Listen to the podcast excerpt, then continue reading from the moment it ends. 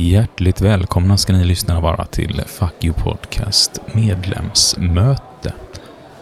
Vi står här i lokalen och hör hur mängder med gäster är på väg in här till vårt årsmöte. Och eh, vi tänkte väl att vi skulle börja med att presentera er och intervjua en del av gästerna här på plats. Vi hoppas på en riktigt härlig dag idag. Häng med! Ja, här ser vi en intressant gäst. Hejsan Linus! Ehm, Kan du berätta lite om hur du hittade hit idag? Jag såg där, ut, där ute, det stod en sån där lapp om att de skulle komma. Nämligen. Ja, och, och hur kändes det här för dig då när du fick se det här? Ah, jättekul! Det, sånt här chans, chans får man bara en gång i livet tänkte jag. Ja, nu Linus är det ju faktiskt eh, årsmöte varje år så att eh, man har flera chanser. Men vi är väldigt tacksamma över att du är här så går du och sätt dig och ta en plats som du trivs bra med så ska vi leta upp en annan gäst här. Och här borta kommer ju en annan ung person till. Eh, hejsan, välkommen, välkommen. Eh, det finns snittar på bordet där borta och så kan du ta dig lite bubbel här. Gracias, señorita. Ja, Jaha, ursäkta, ni pratar endast spanska? Ja, jag kan inte så mycket annat. Eh, Okej. Ja. Vi, eh, vi går bort och ser vilka som kommer vid röda mattan. Mm, här kommer en tredje gäst. Hej, välkommen!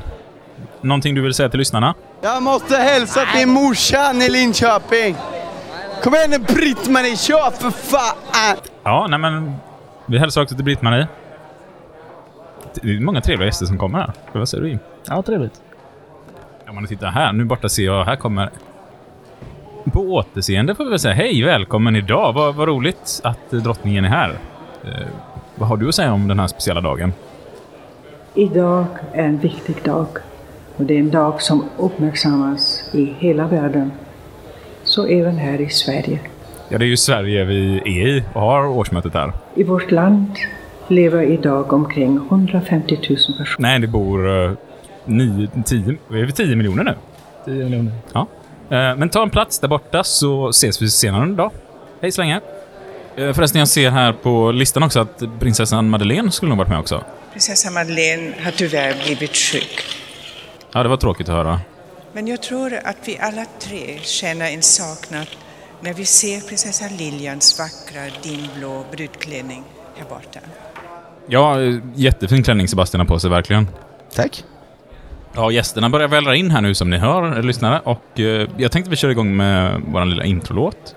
Vi kommer säkert hinna prata med några gäster till. Eh, där kommer Hej! Hej! Välkomna, sätt er där borta. Eh, så att, ja, nu kör vi igång. Välkomna! It's a big fucking deal. What the fuck are we doing out here? I ask you, the fuck are we doing here? So what's the big fucking deal? What the fuck are we doing out here? I ask you, what in the fuck are we doing here? Ja, och det var vårt härliga intro. Och medan folk kommer in här på vårt årsmöte så tänkte jag väl börja presentera oss. Vil- Vilka är vi som kommer hålla i dagens poddavsnitt? Sebastian. Borssén. Jim Tellefsdal. Och så är det jag, Isak Ekblom. Och ja, vi, idag får vi göra en liten extra presentation så här, för jag vet att det här avsnittet som vi ska spela in idag, det har varit efterfrågat från många, många förtroendevalda som vill ha ett avsnitt på hur funkar det på ett möte? Mötesteknik, hur är det att hålla ett möte, dagordningar, svåra ord och begrepp, kallelser, motioner, arbetsordningar och allt sånt där liksom. Vill de ha svar på. Och så tyckte de även så här, det hade varit grymt att ha liksom ett avsnitt som man också kan låta alla medlemmar som ska gå på årsmötet lyssna på innan. Ja. Så man har lite bättre pejl på vad händer på mötet och känner sig lite tryggare på ett möte. Och faktiskt stärker demokratin, att man faktiskt på ett möte fattar vad det handlar om och vågar eh, gå upp och köra. Mm, det här är grunden till föreningsdemokratin. Ja, och då är det väl faktiskt perfekt att vi har just Sebastian och Jim. Men alltså, jag ska inte ta åt mig så mycket ära på detta, utan eh, ni brukar ju hålla väldigt mycket i mötesteknik på utbildningar. Mm. Ja men precis. Jag har hållit i flera år en kurs som heter medlemsdemokrati. Så där. Och jag ska hålla den nu när Seb inte är kvar hos oss. Precis. Och jag avslöjade för Jim att när du och jag håller utbildningen ihop Sebastian, så brukar jag smita ifrån när du kör mötesteknik. Då brukar jag sortera pärmar och papper och sånt till deltagarna. Mm. Eller komma in och störa i mötet. Eller också. Det har vi gjort en gång när du... det ska- och, var det du och Jim som kom in och Ja, störde? det det gjorde vi. Ja.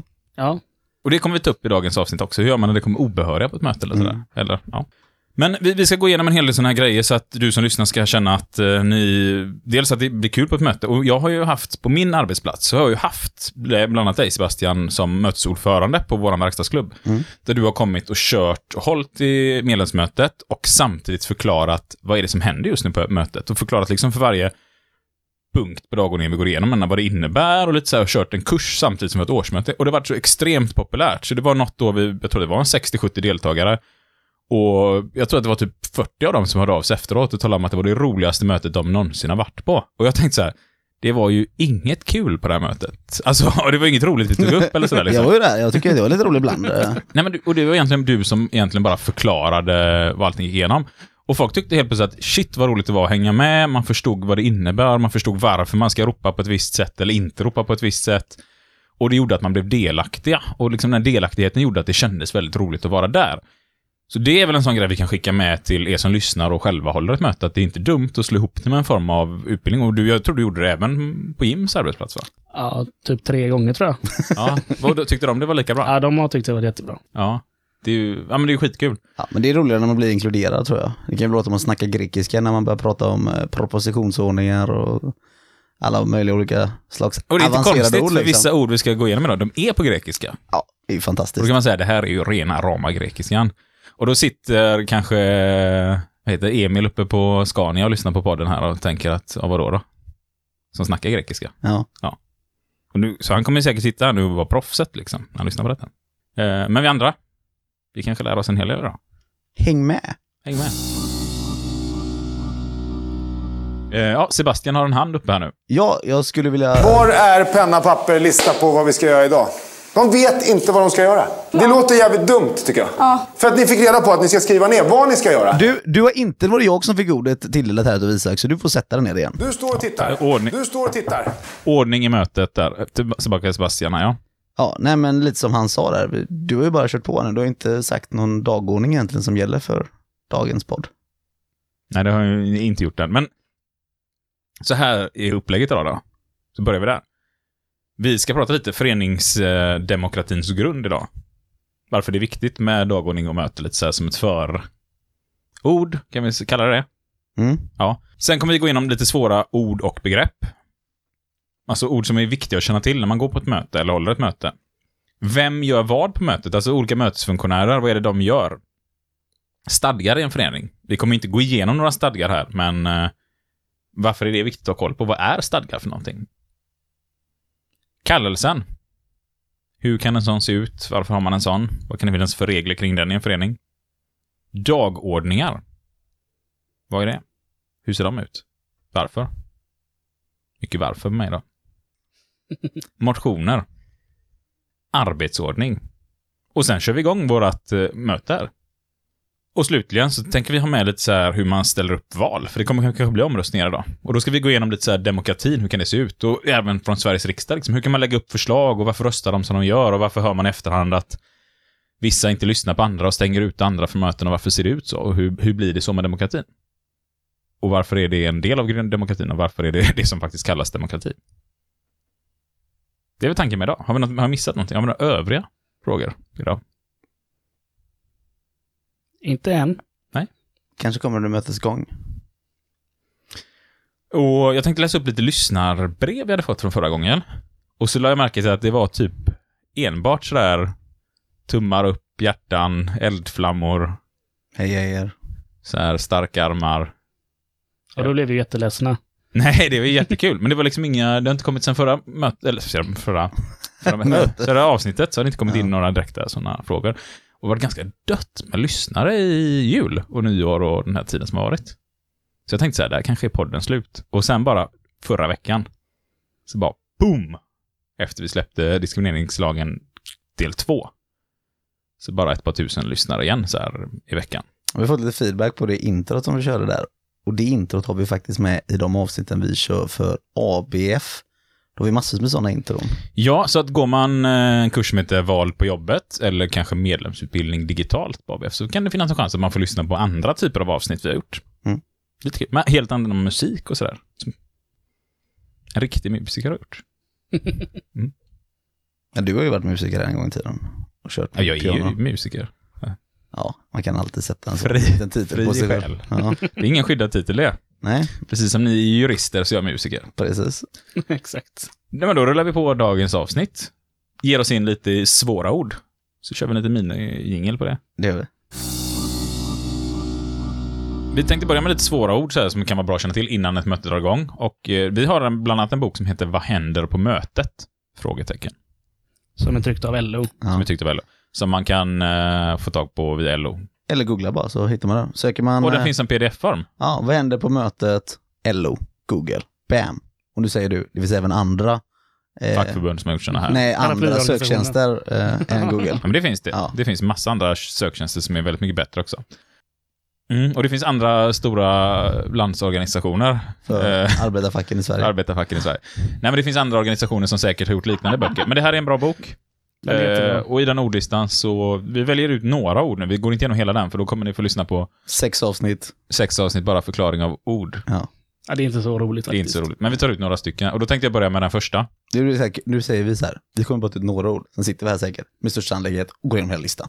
Mm. Men, en, men typ skippat tre, Första är här, det är om jag känner oss rätt. absolut majoritet. Och det är en eh, ny vodkasort som precis har kommit på systemet. Men det finns Som även är- andra eh, vodkasorter. Ja, det finns det. Ja. Eh, som är väldigt god. Mm. Nej. Det här är alltså då om det är mer än hälften av rösterna så kallar man det för en absolut majoritet. Det finns ju nämligen olika sätt att vinna ett val på. Precis. Och jag tänker så här, de andra sen alternativen kommer vi in på sen när vi har årsmötet. Så kommer vi lite att förklara och vissa ord allt eftersom. Mm. Men ett ord som jag tänker Sebastian skulle kunna få beskriva, det är akklamation. Mm. För det är ett ord jag hör i Europa ofta. Precis, alltså det fattas eh, besluten där utan omröstning och det, det är det här som jag ofta hör på årsmötet. Ja, det kallas akklamation. Att man ropar med ja eller nej rop egentligen från mötesdeltagarna som är i rummet. Adjungera. Jim, säger de. Ja, ja, det är när man tar in någon tillfälligt. Ja, en sakkunnig eller eh, sådär. Och det kan liksom vara man har ett styrelsemöte och så säger man så här, "Ja, men vi kan adjungera in Jim, exempelvis då. Men typ, ta, ta ett Han har ju bra koll på... Det är inte alltid de sitter med i en styrelse i en fackklubb. Då kan man adjungera in dem. Mm. Sen tycker jag att det borde vara en självklarhet att vi har med huvudskyddsombud Det tycker jag med. Men eh, Men man väljs ju inte till styrelsen, man väljs ju till huvudskyddsombud exempelvis. ett ord som kommer dyka upp idag. Ajournering. Ja, egentligen är det att man tar en paus egentligen i mötet och det behöver inte vara att man tar en paus på 5-10 minuter. Det kan vara att man tar en paus att nej, vi får ajournera det här mötet där, beslutet behöver övervägas, det är så pass stort, det måste undersökas. Vi får sätta ett nytt tillfälle när vi ska återuppta mötet igen. Och det gjorde ju jag och Jim på ett möte här för ett tag sedan och det är nog det längsta mötet jag har suttit på hela mitt liv. Räknar du in pausen då i det? Ja, då räknar jag in pausen i det här mötet. Ja, ja, det här är ju precis när corona ska dra igång. Då ska vi ha ett årsmöte på vår riksförening, alltså alla bilreparatörer i Sverige. Och så drar det här mötet, liksom, då, då kan vi inte skjuta upp det, för stadgarna säger nu ska ni ha det, corona har precis dragit igång, så man får inte resa runt i landet, vi kan liksom inte ha mötet. Beslutat vi får det digitalt och på väldigt kort varsel och sådär, alla har inte riktigt tillgång till digital utrustning och så känner man så att vi öppnar mötet och så ajournerar vi det. Så det gjorde man. Det gjorde vi. Hur länge var det ajournerat? Det var ajournerat i fem, sex månader. Mm. Och det var, alltså det, alla möten jag fick ställa in. Jag fick ju rensa Du kalendern satt ju där och väntade i rummet liksom. Ja. Kommer hem, barnen har inte sett mig på fem sex månader, skäggig. Ja. Och du, normalt sett, får jag får ju knappt skägg. Man kallar brevbäraren för pappa. Ja, det Ja, men det är en annan historia. Ja, ja. Men Isak letar efter en tvåa i Göteborg om det är någon som... eh, ja. Eller en mindre bil. Som man kan sova i. Ska vi ta några mer ord? Det, vi är fortfarande på A. Vi är fortfarande Det på klart A. vi ska ta Ja. mer ord. Men då hoppar vi till bokstaven B då. Men Du, du glömde ju ett där. Ja, vilket då? Ansvarsfrihet är väl väldigt viktigt att ta. Ja, det tänker jag. Det kommer ju på mötet sen. Ja, ska vi spara det till när vi kommer Spara det. Det gör vi. det är vi. Men det är en sån viktig grej. Det, det är en sån grej som väldigt många så här, ja, kan vi besluta om ansvarsfrihet? Ja, ropar alla Mm. där. Vet ni vad ni precis har gjort? Ja. Era jävlar, brukar jag tänka då. Ja, vi fick faktiskt en fråga på mitt årsmöte Ja. om det här. Vad är det för något? Ja, precis. Det var det den enda frågan Och var. då flydde Det var, inte en kassören. frå- det var inte en fråga om hur man typ såhär, jag har en fråga på den här ansvarsfriheten. Det har ju pengar, det var liksom, vad är ansvarsfrihet? Och då sa jag, skit i det, så lever du längre. Nej, jag skojar. Det, Ja, vi tar det ordet när vi kommer dit sen. Mm. Nej, men nu, nu, nej, nu blir det för konstigt här. Nu får du, då sitter ju folk och tänker hela tiden, kommer man inte lära sig någonting av det. Man kommer bara sitta och tänka, vad fan var det för ord? Liksom. Berätta nu vad det är. För jag har ingen aning. Alltså man, be, man beviljar egentligen styrelseledamöterna ansvarsfrihet. Eh, och det kan vad årsmötet göra för egentligen verksamhetsåret som har varit innan. Det vill säga att de sakerna som styrelsen agerat, gjort besluten som har fattats med dem ansvarsfrihet, att de har förvaltat ekonomin egentligen i, i, i gott. Det kan vara pengar, det kan vara, ja, det kan vara verksamheten. Man ger dem ansvarsfrihet egentligen för det. Följt de beslut som har tagits, jobbat Ja. efter stadgan och allt där. Då kan man inte ringa liksom så här tio år senare och säga du, vi fattade sen tio här liksom.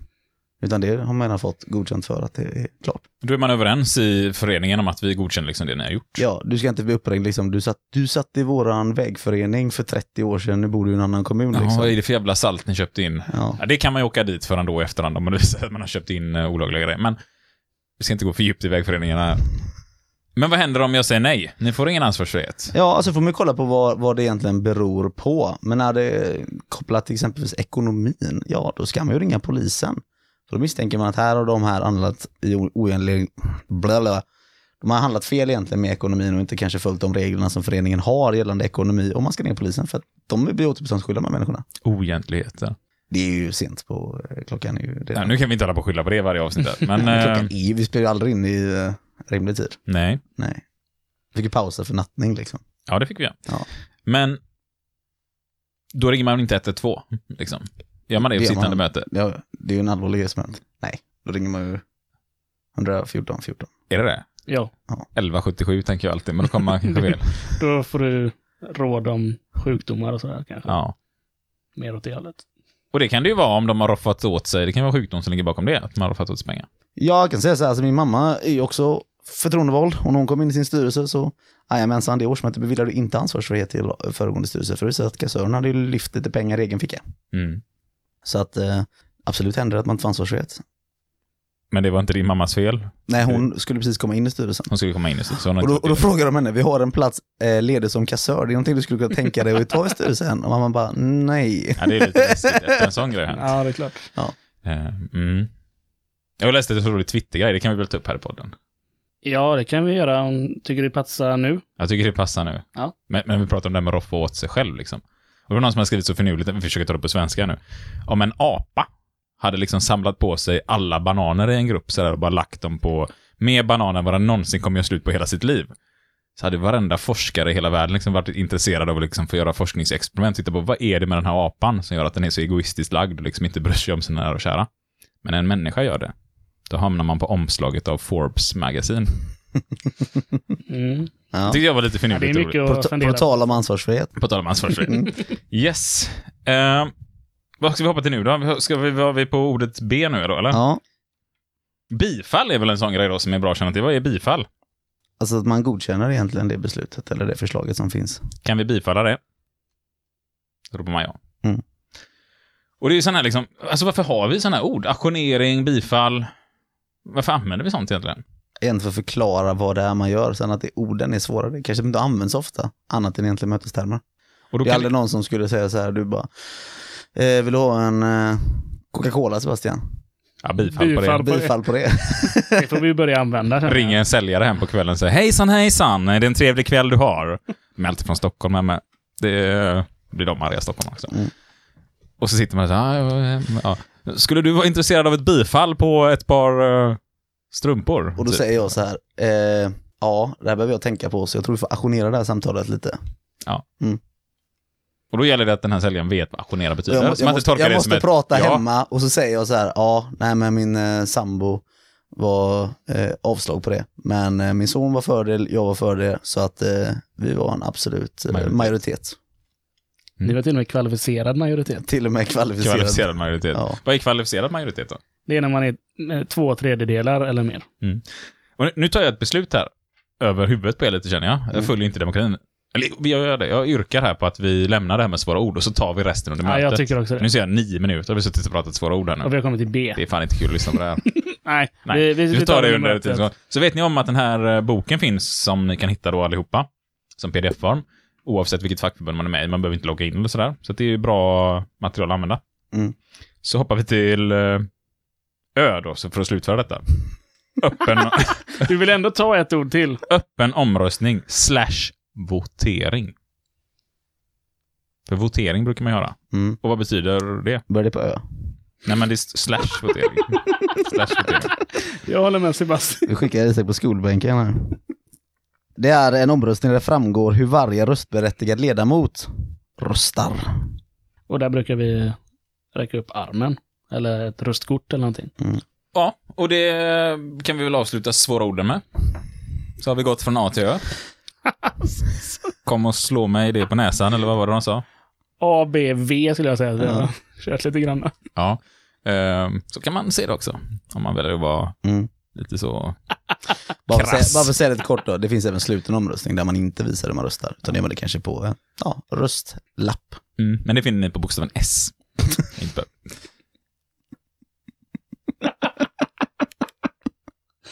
Ja, det är bra. ja.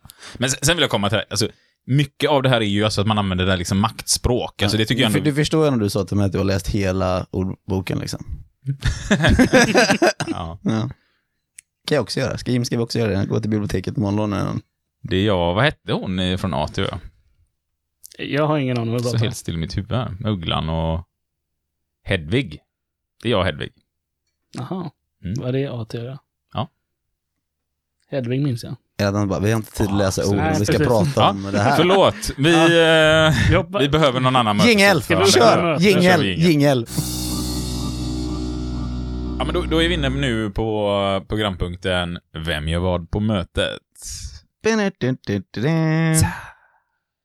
Ja, vem gör vad på mötet? vilka har vi på mötet? Ja. Är det mötesfunktionärer vi vill berätta om då? Ja, men jag, jag kan tänka så Det här. känns som du har bra koll på det Jim. Kör! Ja. Vi har en ordförande, en sekreterare och så har man kanske protokolljusterare och rösträknare. Har vi något mer ni vill tillägga? Kanske en liten valberedning som är på mötet. En liten valberedning är med på mötet. Har vi någon justerare med kanske? Det har han sagt. Alltså vi- protokolljusterare, men det är samma person. Det är samma Jag person. får reda ut det, jag förstår inte alls. Det är därför Isak inte får hålla de här passen på våra årsmöten. Men kan vi inte börja där? Vad, vad, är, vad gör mötesordförande liksom? Alltså, mötesordförande leder egentligen mötet. Alltså det är den som ska hålla koll på att man följer liksom talarordningen, att man fattar besluten på ett korrekt sätt. Se till så att alla blir egentligen lika behandlade på mötet, alltså alla frågor som ska vara. Lyfter alla förslag, ställer dem mot varandra om det finns egentligen motförslag. Är det ordförande på mötet som gör detta då? Ja. Eller menar pratar du om för föreningen eller? Ja. Det kan det vara, där får man kolla stadgarna vad de säger, för det skiljer sig för olika föreningar. Alltså IF Metall där vi tillhör så står det faktiskt att ordföranden leder alla möten förutom årsmötet exempelvis. Och varför håller man inte sitt eget årsmöte? är tanken med det då? Ja, det kan ju vara att eh, man inte ska klubba sig själv, då kan jag bara göra så enkelt. Och vilka tycker jag ska vara ordförande? Bra, då säger jag att han där, där blir jag vald liksom. Det kan ju bli väldigt konstigt. Eller ja, jag vill gärna med Isak också. Finns det några förslag? Nej, bra. Där var Isak vald. Det vill man ju inte liksom hamna i en sån situation. Så helt enkelt för att stärka demokratin och göra så att fler har möjlighet att påverka resultatet. Ja. Och vi tar ju ofta tillfället i akt och bjuder in någon som mötesordförande som kanske är där för att prata något annat, exempelvis från ja, avdelningen, regionen eller sektionen eller vad det kan vara. Ja, men som både jag och Isak bjöd in eh, dig. Precis. Ja, vår bästa kompis för att bibehålla maktstrukturen. Precis. Men en gång kunde inte jag vara med på Jims årsmöte och då fick ju Mikael Damberg hoppa in i mitt ställe exempelvis. Lite som Putin där när han, eh, ja nu har jag suttit mina Åtta år. 26 år, så nu bjuder jag in min kompis, sen kan jag hoppa in igen liksom. Ja. Lite så, Ja. eller? Ja, men lite så. Ehm, och du sa någonting om Mikael Lamberg också. Ja, han fick ju hoppa in när jag inte kunde ett år. Ja. Så han... Och det är ja, sant också. Han, ja, men han klarade ju inte det, så att året efter fick jag komma tillbaka igen. Och det var en annan gång hos, eh, som jag var på den här stora arbetsplatsen som Jim jobbar på, och så var det en sån plansch som satt uppe. Och så, vem var det som var där och pratade? Ja, det var Mikael Damberg. Det var Mikael Damberg också. Ja. Jim trackade ner på honom hela tiden. Men då var det så här, ja, Mikael Damberg också. Men det kommer också en av IF Metalls bästa handledare, så fick jag liksom så här huvudplats på det här. Och så var det så här, han fick liksom hålla, han var förband till mig, tyckte jag. Ja. Det kändes lite så maffigt. Kunde jag kliva upp det sen. Så, nu kan du gå, stå över liksom. Så. Det var inte riktigt så. Nej, Men nästan- Säpo var inte där för så. din skull liksom. Säpo var inte där för min skull. Men eh, ja, Seppo Mm. var där för min skull att lyssna i alla fall. Och det är jag glad över, Seppo. Du vet vem du är. Vi ska ta mötessekreterare också. Mm. Vad gör mötessekreteraren? Ja, alltså egentligen, det är, det är en till av de här nyckelfunktionerna egentligen som man brukar säga för mötet och den ansvarar för att protokollet blir korrekt egentligen. Att det är den som skriver, antecknar, ofta assisterar mötesordföranden. För att alltså, har man ett stort årsmöte så kan det ju sitta kanske 100 personer om man har en stor klubb. En stor förening kan ju sitta ännu mer, det kan sitta ännu mindre också, men att det kan vara väldigt svårt att se. Eller som på en kongress där det faktiskt kan vara flera hundra deltagare. Precis, det är lite svårt för mötesordföranden att sitta där och hålla koll på alla förslag som kommer in och vem det är som ska, som ska få ordet nästa gång. Vem räckte upp handen först här? Ja. Vi är 47 stycken liksom. Ja. Så att det är vad mötessekreteraren exempelvis hjälper till. Ja, och viktigt här, alltså ordförande och sekreterare är presidiet. Mm. Precis. Ja, där har vi ytterligare ett sånt ord. Presidiet. Mm. Varför krångla till det när vi kan säga de där uppe? Eller sådär liksom. Ja. ja. Det är inte lika fint. Vet du. Men det är det här med maktspråket som jag tänkte vi behöver prata lite om sen idag. Liksom, att det här med att man... eh, Sen idag, ja du sa det rätt där. kommer säkert. till det sen. Mm. Nej men det är alltså mötessekreteraren ska se till så att alla besluten har kommit in, anteckna dem. Så att, alltså, vissa kan ju, personer kan ju bara gå upp och säga så här, ja, jag tycker vi borde göra på det här sättet och sen så, ja vad händer med det beslutet? Man får ju ställa frågan från sekretariatet, alltså sekreteraren. Eh, Och föra talarlistan. ja men precis, var det här ett förslag eller var det någonting du ville eller var det bara någonting du ville få sagt? Ja. För att veta om det här är ett beslut som ska ställas emot eller om det här är bara någonting som någon yttrar sig. Du kan ju gå upp och säga liksom, "Ja, jag tycker att man borde vara bättre. Bara, är det här ett förslag eller är det vad du tycker liksom? För det är ju lite skillnad. Mm, och det kan vara både och. Ja, men säg att det är ett förslag, då får man ju ta, ta en omröstning om det här ska, man ska bara bli lite bättre. Ja. Så det är ju liksom vad mötessekreterarens roll är där och, och då verkligen viktigast är ju då att föra protokollet så att det blir korrekt. Om vi nu är inne på det här då, justeringsmän eller protokolljusterare eller vad vi vill kalla det. Ja, eh, och de kontrollerar ju egentligen att eh, det som är nedskrivet stämmer överens med vad som har skett på mötet. Mm. Mm. Och det, det kan jag tycka är en sån lustig, den alltid när man går på stora möten så är det så här, ja, vi behöver utse två justerare. Så det är ingen som vill liksom. Det är ju en av de viktigaste rollerna på hela mötet. Som faktiskt sitter där sen och kontrollerar att sekreteraren har skrivit Det kommer vi inte rätt. säga om alla punkter.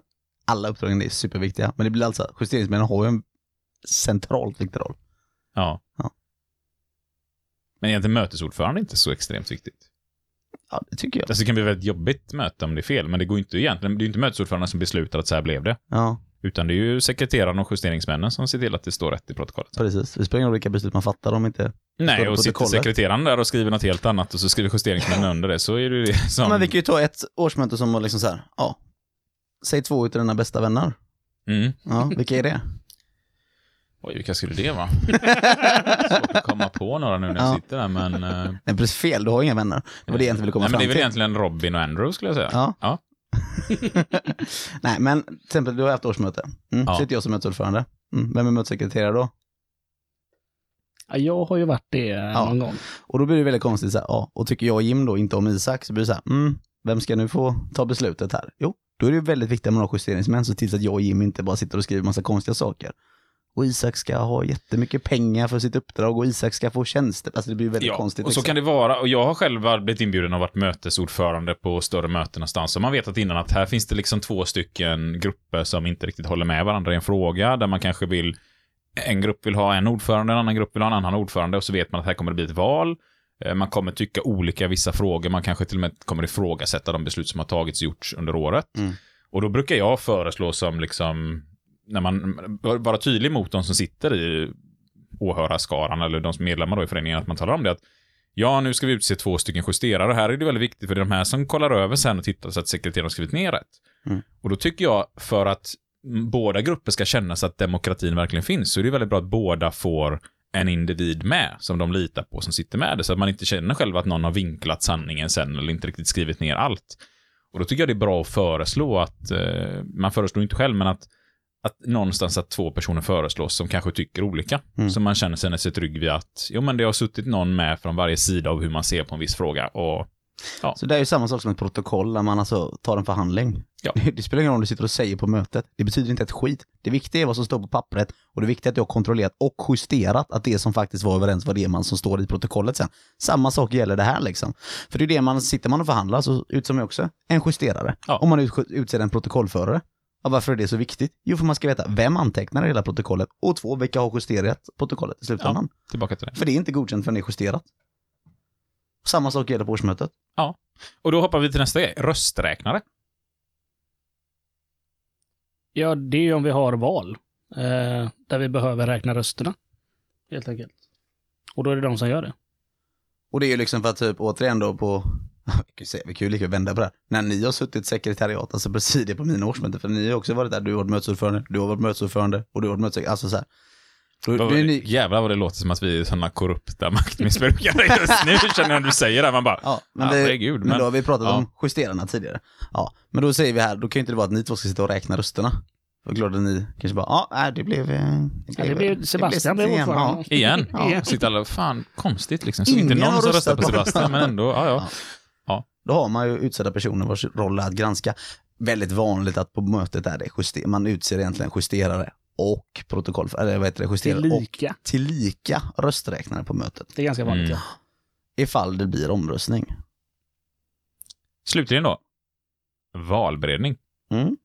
Här är några personer som brukar resa och kliva fram lite när det kommer till valen på årsmöten.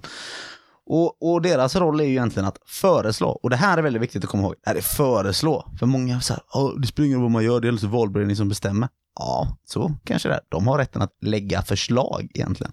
De kan nominera personer till uppdrag eh, som kanske ingen medlem har föreslagit. För de har det liksom mandatet att göra det. Men man föreslår ju till valberedningen.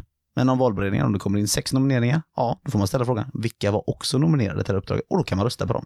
Men väldigt viktigt att komma på liksom, och komma ihåg på årsmötet att man faktiskt säger, ja men vem- var det någon mer som var nominerad? Ja, det var det. Det var två personer. Bra, då vill jag föreslå, ja, Kerstin, exempelvis. Ja, Och- och- Kerstin är bra. Och då är det viktigt att komma ihåg att om valberedningen lägger ett förslag, då är det det enda förslaget som ligger på årsmötet. Punkt. Spelar ingen roll vad du har nominerat eller föreslagit tidigare. Du måste lyfta det på årsmötet igen. Så att valberedningens förslag är bara ett förslag och det var ett annat förslag exempelvis. Nästa punkt på avsnittets eh, dagordning här då. Stadgar. Mm. Vad är det för någonting? Stadgar är föreningens regler som de har att förhålla sig till. Det är väldigt viktigt att de måste förhålla sig till de här reglerna som egentligen årsmötet fastställt. Så de kan ju ändras bara utav ett årsmöte. Vad kan man hitta för typ av regler här som alltså rör ett årsmöte? Ja, men liksom? exempelvis namnet. Man kan inte helt plötsligt, vi, vi har ju skapat en förening för podden och det kan vi inte bara, äh, fan vi, vi kallar något annat nu, utan det ska ju årsmötet ta beslut på. Ja, det. Vad heter våran eh, förening då? Den heter Fuck You Podcast eh, Arbetarkulturella Förening. Och, då Och- kan inte jag gå och kalla den för någonting annat liksom. Ja, du kan ju kalla den vad du vill liksom, men det är ju inte, inte, Inte med möten. nej precis. Ja. Du får ju kalla den exakt vad du vill. Ja. Men du kan ju inte skriva ut i liksom, någon form av sammanhang liksom. Nu har eh, Isakföreningen eh, årsmöte, ska man bara, vad är det han pratar om nu egentligen? För våra stadgar heter vi Fuck You Podcast, Arbetarkulturella Förening. Mm. Så det är exempelvis en av reglerna. Ändamålet är ju väldigt, väldigt viktigt. Vad är syftet med föreningen? Alltså tar man en vägförening och vi ska underhålla den här vägen liksom. Då kan man inte bara, "Ja, men ni är en vägförening, ni får ju komma och laga min väg, säger någon som bor liksom i övre Kalix. Utan nej men det är för den här föreningen i den här stan. Exempelvis. Hur man upplöser föreningen, medlemsavgifter, Hur man blir medlem, hur man eventuellt skulle kunna bli utesluten som medlem. Ehm, ja. Ja. Det finns väldigt mycket. Men det kan, det hur kan man har ett årsmöte i föreningen. Precis, det kan vara mm, allt som man Vilken känner är tid viktigt. på året årsmötet ska ske? Det är ju en sån grej som kan stå med. Så innan det här datumet ska årsmötet ha skett. Så här långt innan ska kallelsen vara skickad och... Så att, alltså man bestämmer egentligen själv, men alltså vissa grejer är ju grund och det är ju egentligen Skatteverket som avgör vad du behöver ha minst för grund för att du ska kunna kalla det för en förening. För att föreningar finns ju i mängder. Eh, sen finns det ju olika, exempelvis i fackföreningar, kan det vara stadgar, de här behöver du ha. För att kunna vara en lokal fackklubb eller en region eller en sektion eller en avdelning eller vad det kan vara. Så att det får man ju kolla liksom om man är en del av en större organisation. Kan de ha andra stadgar som hakar på eller följer med? Försök att alltid ha med stadgehandboken i alla fall när ni sitter och har ett årsmöte eller någonting. Ja. Det är otroligt jobbigt att hamna i ett läge där man har ett möte och så är det någon medlem som säger så ja, ah, ni följer inte stadgarna, så här ska det vara på ett årsmöte. Och så finns det ingen stadgehandbok och så blir det liksom en diskussion om det, så kan man liksom inte gå vidare från mötet Nej. riktigt. Och du kan inte heller sitta och killgissa fram ett svar. Typ, ah, jag tror det kan vara så här så jag kör på det. Nej, det ska ju stå print på pränt vad det som gäller den här frågan. Mm. Eller lässervissera, som det hette. Orden. Okay. Jim har glömt redan. Ja. Han är kanske inte så bra på minne, men han är en jävla bra 2021 har bara miniräknare. börjat precis, så att det är ju helt nya ord. Så stadgehandboken med på mötet. Mm. Eh, upp, ypplig grej för de som kanske inte är sekreterare och ordförande, utan någon annan i styrelsen kanske sitter och är beredd med den om det dyker upp frågor kring stadgarna. sådär. Då lämnar vi punkten stadgar och hoppar över till kallelse.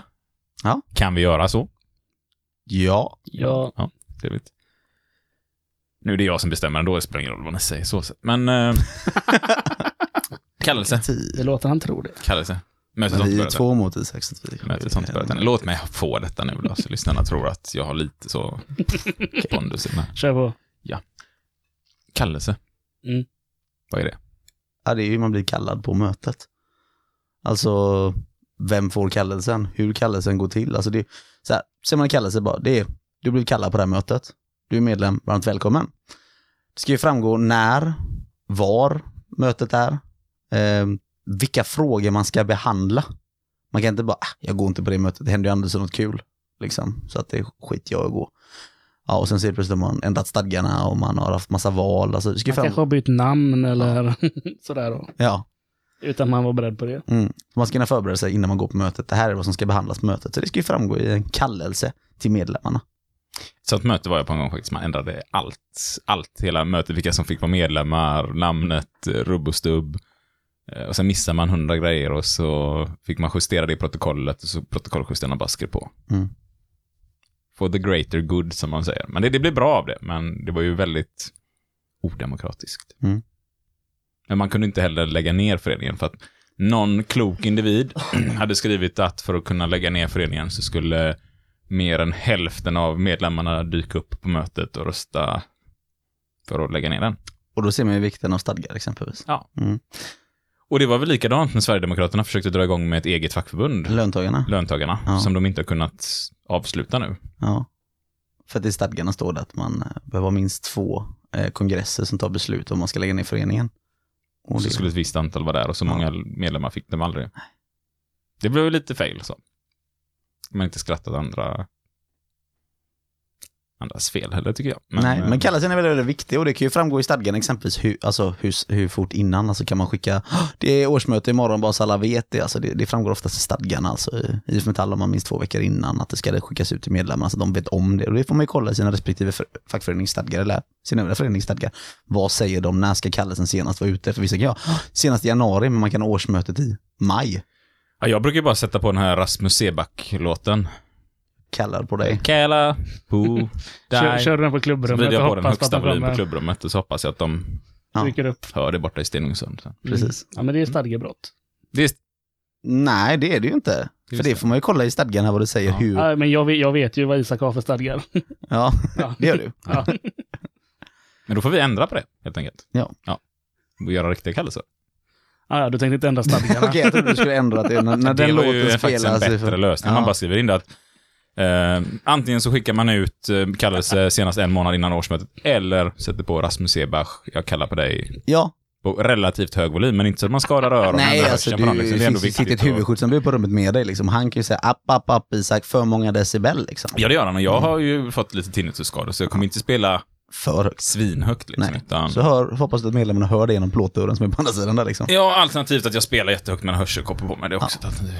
Nej, men tänk på det på kallelserna. Och här säger jag bara typ, ni som är med liksom i, alltså vi pratar fackföreningar, alltså glöm inte medlemmar som är föräldralediga, sjukskrivna eller alltså långsiktigt borta liksom. För är de fortfarande medlemmar i föreningen, då ska de också ha en kallelse. Det är en jättevanlig grej.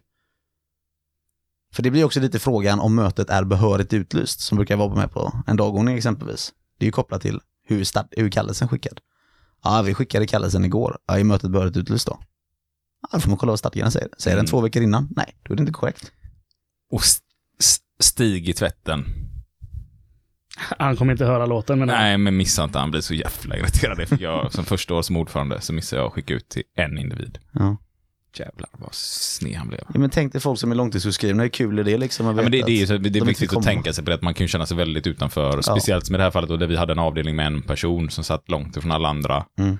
Inte brukar vara så delaktig kanske informationen som når ut och så sitter man där och ska dela ut mötesinbjudan till alla springer runt. Tänkte jag, i år ska jag ge den personligt nästan till alla 360 personer liksom. Missa en. Det var ju inte snyggt alltså. Nej. Nej. Kast. Då fick man vara lite extra bra klubbordförande sen på honom. Så kan jag ju säga. Ja. Hur då? Nej, Ja, nu- alla nu- pottpengar hamnar hos honom. Nej då. Eh, Man fick be om ursäkt, gjorde jag. Jag bad om ursäkt och talade om att det var otroligt dumt att jag hade missat. Och bara sa som det var. Att jag verkligen bad om ursäkt och hade missat hans avdelning. Och det har jag aldrig gjort sedan dess. Och sa att eh, jag kan säga en sak som klubbordförande är att när jag kliver av så ska jag göra jävligt tydligt för nästa klubbordförande att tvätten glömmer du fan inte. Så att det har gjort mer nytta än... Eh, Och du gick ner med hans del av bullen som han tekniskt sett skulle kunna fått om han var på årsmötet. Den bullen vi delar på 360 personer. Ja. Nu gör Jim skällsord på så här att eh, mötet ska framåt här. Ja. Det är väl rimligt. Ja, Jim kör ju lite mötesordförande här lite. Mm. På, försöker påverka mig här. Mm. Det är inte okej. Det är jag som Kör på nu va. Eh, Ja. Motioner. Eh, vi ska inte djupdyka det, för vi kommer ha ett eh, avsnitt om hur man ska skriva motioner, vad som är bra att tänka på. Vi kommer koppla ihop det med retorikens grunder lite så här, prata lite etos, patos, logos, för att prata rena rama grekiskan, som man säger. Ehm, och så, hur skriver man en bra motion, vad ska man tänka på? Vi kommer även gå in på påverkan. Mm. Mm. Och då är det en sån grej att jag brukar säga så här, när jag håller kurser där med påverkan, så brukar jag säga så här, fan, ta er om någon av er lämnar era fackliga uppdrag och blir säljare. Det brukar du säga. Så att, eh, nu, nu vet ni det. Då, då vet vi det. Men vi ska förklara vad motion är. ska vi prata om. Men det är sånt som kan vara bra att ha med sig. Tänk på när man ska skriva en motion. Hur påverkar hur får jag faktiskt folk att gilla den här motionen som jag kommer in på? Ja, Så att, och det tar vi eh, på det det helt avsnittet. eget Vi avsnitt. tar det nästa Helt eget Ja, avsnitt. Men kort, kort och enkelt motion, alltså det är ett skriftligt förslag från en medlem som ska behandlas av styrelsen, ett årsmöte, vad det nu kan vara. Så att det är egentligen det man skriver ner, jag vill få, få den här förändringen. Att man motionerar om en förändring. Ehm, det är alltså inte träning. Nej. Nej. Men det kan det också vara motion. Men alltså man kan ju säga att det, det handlar ju ändå om att sätta någonting i rörelse. Punkt slut, man vill få en förändring i rörelse. Liksom. Motion. Se där, vilken sån Snyggt. radioövergång som man säger. Ja, det, det är så jag brukar köra. Mm, och nu ska vi motionera över lite till arbetsordningen, säger jag då. Arbetsordning. Jag tycker bara det låter tungt. Det låter tungt ja. Men det är reglerna för mötet egentligen. Hur det ska gå till. Alltså det kan vara eh, alltså, talartid, hur länge man får tala. Eller hur man ska rösta, alltså om man ska ha acklamation eller inte liksom och sådär. Så det är inte mer komplicerat än så? Nej. Nej. Men då, eh, alla gäster här i lokalen, eh, är det dags att dra igång med vårt lilla möte. Vårat möte. Ska vi ta börja titta på, ska vi hälsa alla välkomna? För det brukar man ju börja ett möte med. Ja, Då- Då får jag äran att göra det som det sitter får, där som det får du eh, att göra. provisorisk mötesordförande. Mm. För Sebastian smet precis ut här för att ta ett litet videosamtal med sin lilla son som inte kan somna just nu för han saknar sin pappa. Ja, Och då fortsätter vi ändå. det gör vi. Så ni lyssnare slipper sitta och vänta på det. Det hade vi kunnat klippa bort Ja, också, de hade inte behövt vänta heller. de Det känns som då här. fejkar vi för mycket om vi klipper bort sånt. Liksom. Ja, Det blir mer genuint och ärligt. Här. det, Det är ju därför de flesta lyssnar på oss, för vår genuina ärlighet, som vi brukar säga. och våran grymma ödmjukhet. Ja, och alla sådana ljudeffekter vi har. Det är de grejerna. Ja, det är bra. Har jag hört, har jag hört. Men eh, det får stå för lyssnarna. Är det en lyssnare eller? Jag vet inte om vi har fått den lyssnaren. Jag menar om det var en lyssnare som gillar ljudeffekterna. Jaha. Ja, det var det faktiskt. Ja. Det var det faktiskt. Mm, vad kul. Jag tolkar det som. Sluta aldrig med det ni håller på med, fick vi ett mejl. Ja, men det är bra. Och så massa sådana här utropstecken och glada gubbar och så. Och det tolkar du som ljudeffekterna. Ljudeffekterna. Helt och hållet enbart ljudeffekterna tolkar jag det som. Okej. Annars hade han skrivit... Du, du får jättegärna köra Ja, på med ja. mötet. Jag försöker dra ut på tiden här så Sebastian ska kunna komma tillbaka liksom. Det Ja, ja jag, för, jag förstår det. kanske hade varit snyggare att klippa. Ska vi, Det- ska vi göra ett klipp här då för första gången någonsin? För första nu ljuger jag igen. Vi klipper jättemycket. Vi tar så mycket feltagningar. Jag kör igång med dagordningen. Kör igång med dagordningen. Men jag väljer att öppna mötet här och hälsa Mm. alla er välkomna. Det var punkt ett på vår dagordning. Mm. Ja, vi, vi har inte förklarat dagordningen, men vi kommer Men gå vi igenom kommer det. den. Vi kommer till punkt tre sen. Mm, Men eh, jag går in på punkt två här. Mötets behöriga utlysande. Mm. Och då ställer jag frågan till alla er som är här. K- Jag Kan du sitta lite drottning? ett givande och intressant seminarium. Vill drottningen sätta sig lite, bara lite ordning på mötet? Har mötets behöriga utlysande varit? Alltså har vi utlöst, utlöst, utlyst? Nej, det är- därför inte jag ska mötesordföra. Har vi utlyst mötet i behörig tid och på rätt sätt? Ja! Ja! Vad bra. Och vad betyder detta egentligen, Jim? Det är ju att vi har skickat ut kallelsen i tid och den har berättat vart vi ska vara och den har eh, varit eh, tid, tydligt utskickad till alla eller uppsatt eller vad det nu kan tänkas vara. Då. Mm. Och nu sitter de flesta av våra lyssnare och tänker, det har ni ju fan inte gjort. Nej. För vi är inte mötet. De är inte med. Ehm, men ni är inte medlemmar i föreningen än. Nej, precis. Utan det är vi som är i rummet här just nu. Men vi har ju inte heller sett till så att någon kan bli det än. Nej, men det kommer... Det kommer komma under Ehm, snar ja. framtid. Men då är vi på punkt tre nu. För nu har mötet godkänt, eftersom alla ropade ja här, så har vi godkänt mötet har godkänt det. För det är inte jag som gör det som mötesordförande just nu och det är inte du som gör det som mötes... vad du nu är på mötet. Utan det är ju mötet tillsammans som ska besluta om det. Och det är viktigt att ha med sig, för många tror att det är mötesordförande som sitter och tar besluten och sådär, men det är ju själva mötet som beslutar genom de här acklamationerna med jarop. Och då är vi på punkt tre här, dagordningens godkännande. Så nu ska vi alltså ta och titta på den här dagordningen, alla tillsammans på mötet, och godkänna den.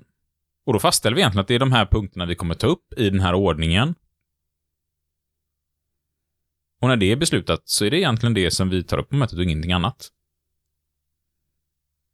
Nej, det är huvudregeln. Ja. kan vi väl säga. Så man kan liksom inte besluta en dagordning så, ha det var inget viktigare än så, tänker folk. Och så går alla hem. Och sen, ah men du, kan vi lägga till den här punkten nu när alla gått hem liksom? Nej, det kan inte. Då går vi igenom våran dagordning här och detta, den här dagordningen, det är ett årsmöte från eh, en verkstadsklubb i Göteborg. Som du är ordförande på, Jim, tror jag. Precis. Så det här är ett exempel och här måste ni ju titta i er förening. Vad är det vi behöver ha med i vårt årsmöte? Eh, här har vi med lite grejer som är vanligt i föreningar och i fackföreningar. Det kan vara någonting här som saknas som ni borde ha med eran, som inte Jim har haft med på sin klubb. Eh, och tvärtom, han kanske har med någonting ni inte behöver ha med. Så att, Läs i stadgarna. Läs i stadgarna. Om det är reglerat där. Det är inte alltid det heller. nej. Ehm, och den här dagen börjar då med mötets öppnande. Och den punkten har vi ju, vi har öppnat mötet. Sen har vi mötets behöriga utlysande, där man egentligen ställer frågan då för att få ett godkännande. Sen har vi dagordningens godkännande, det är den punkten vi är på nu.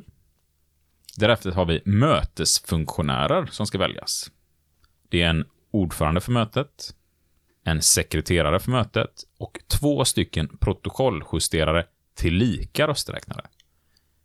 Och så väljer ni alltså samma person som gör detta. Precis. Sen har vi punkt 5 och det är verksamhetsberättelsen. Och vad är en verksamhetsberättelse? Det är när styrelsen berättar vad som har hänt under året i, eh, ja, i det här fallet en klubb då, eller min klubb. Sen har vi punkt 6, ekonomisk berättelse. Mm, och där är det kassören som informerar om hur ekonomin har gått under året och vad man använt pengarna till och sådär.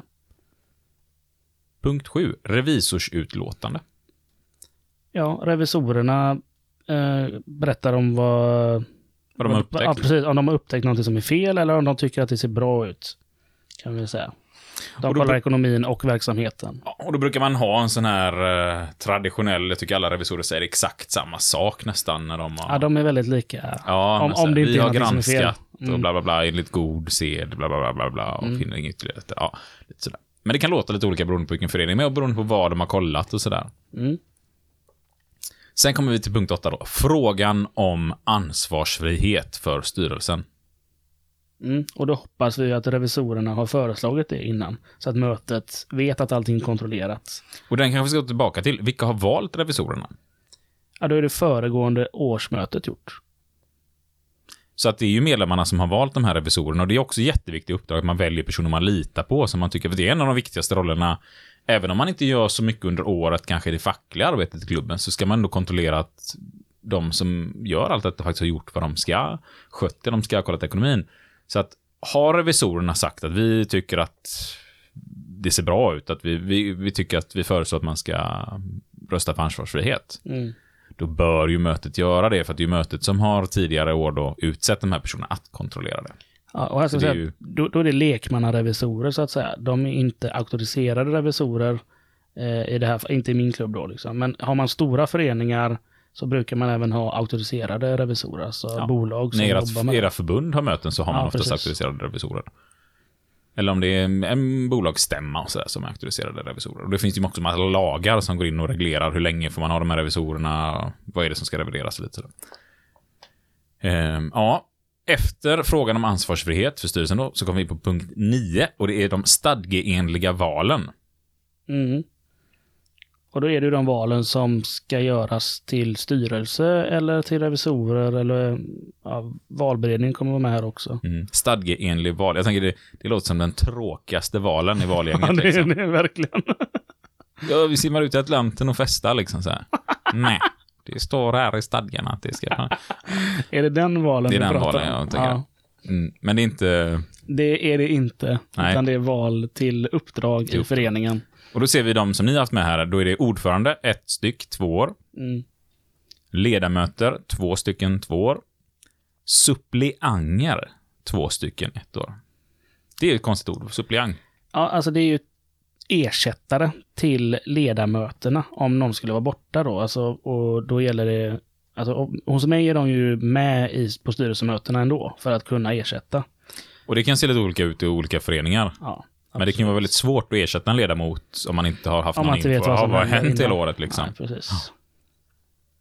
Sen har vi skyddsombud, två stycken, tre år. Mm. Revisorer, en styck, två år. Ja, vi väljer ju dem omlott på varandra för vi har två stycken. Här ser jag ju stadgebrott i ert... Uh, är det här? Har ni inga ersättare till revisorerna?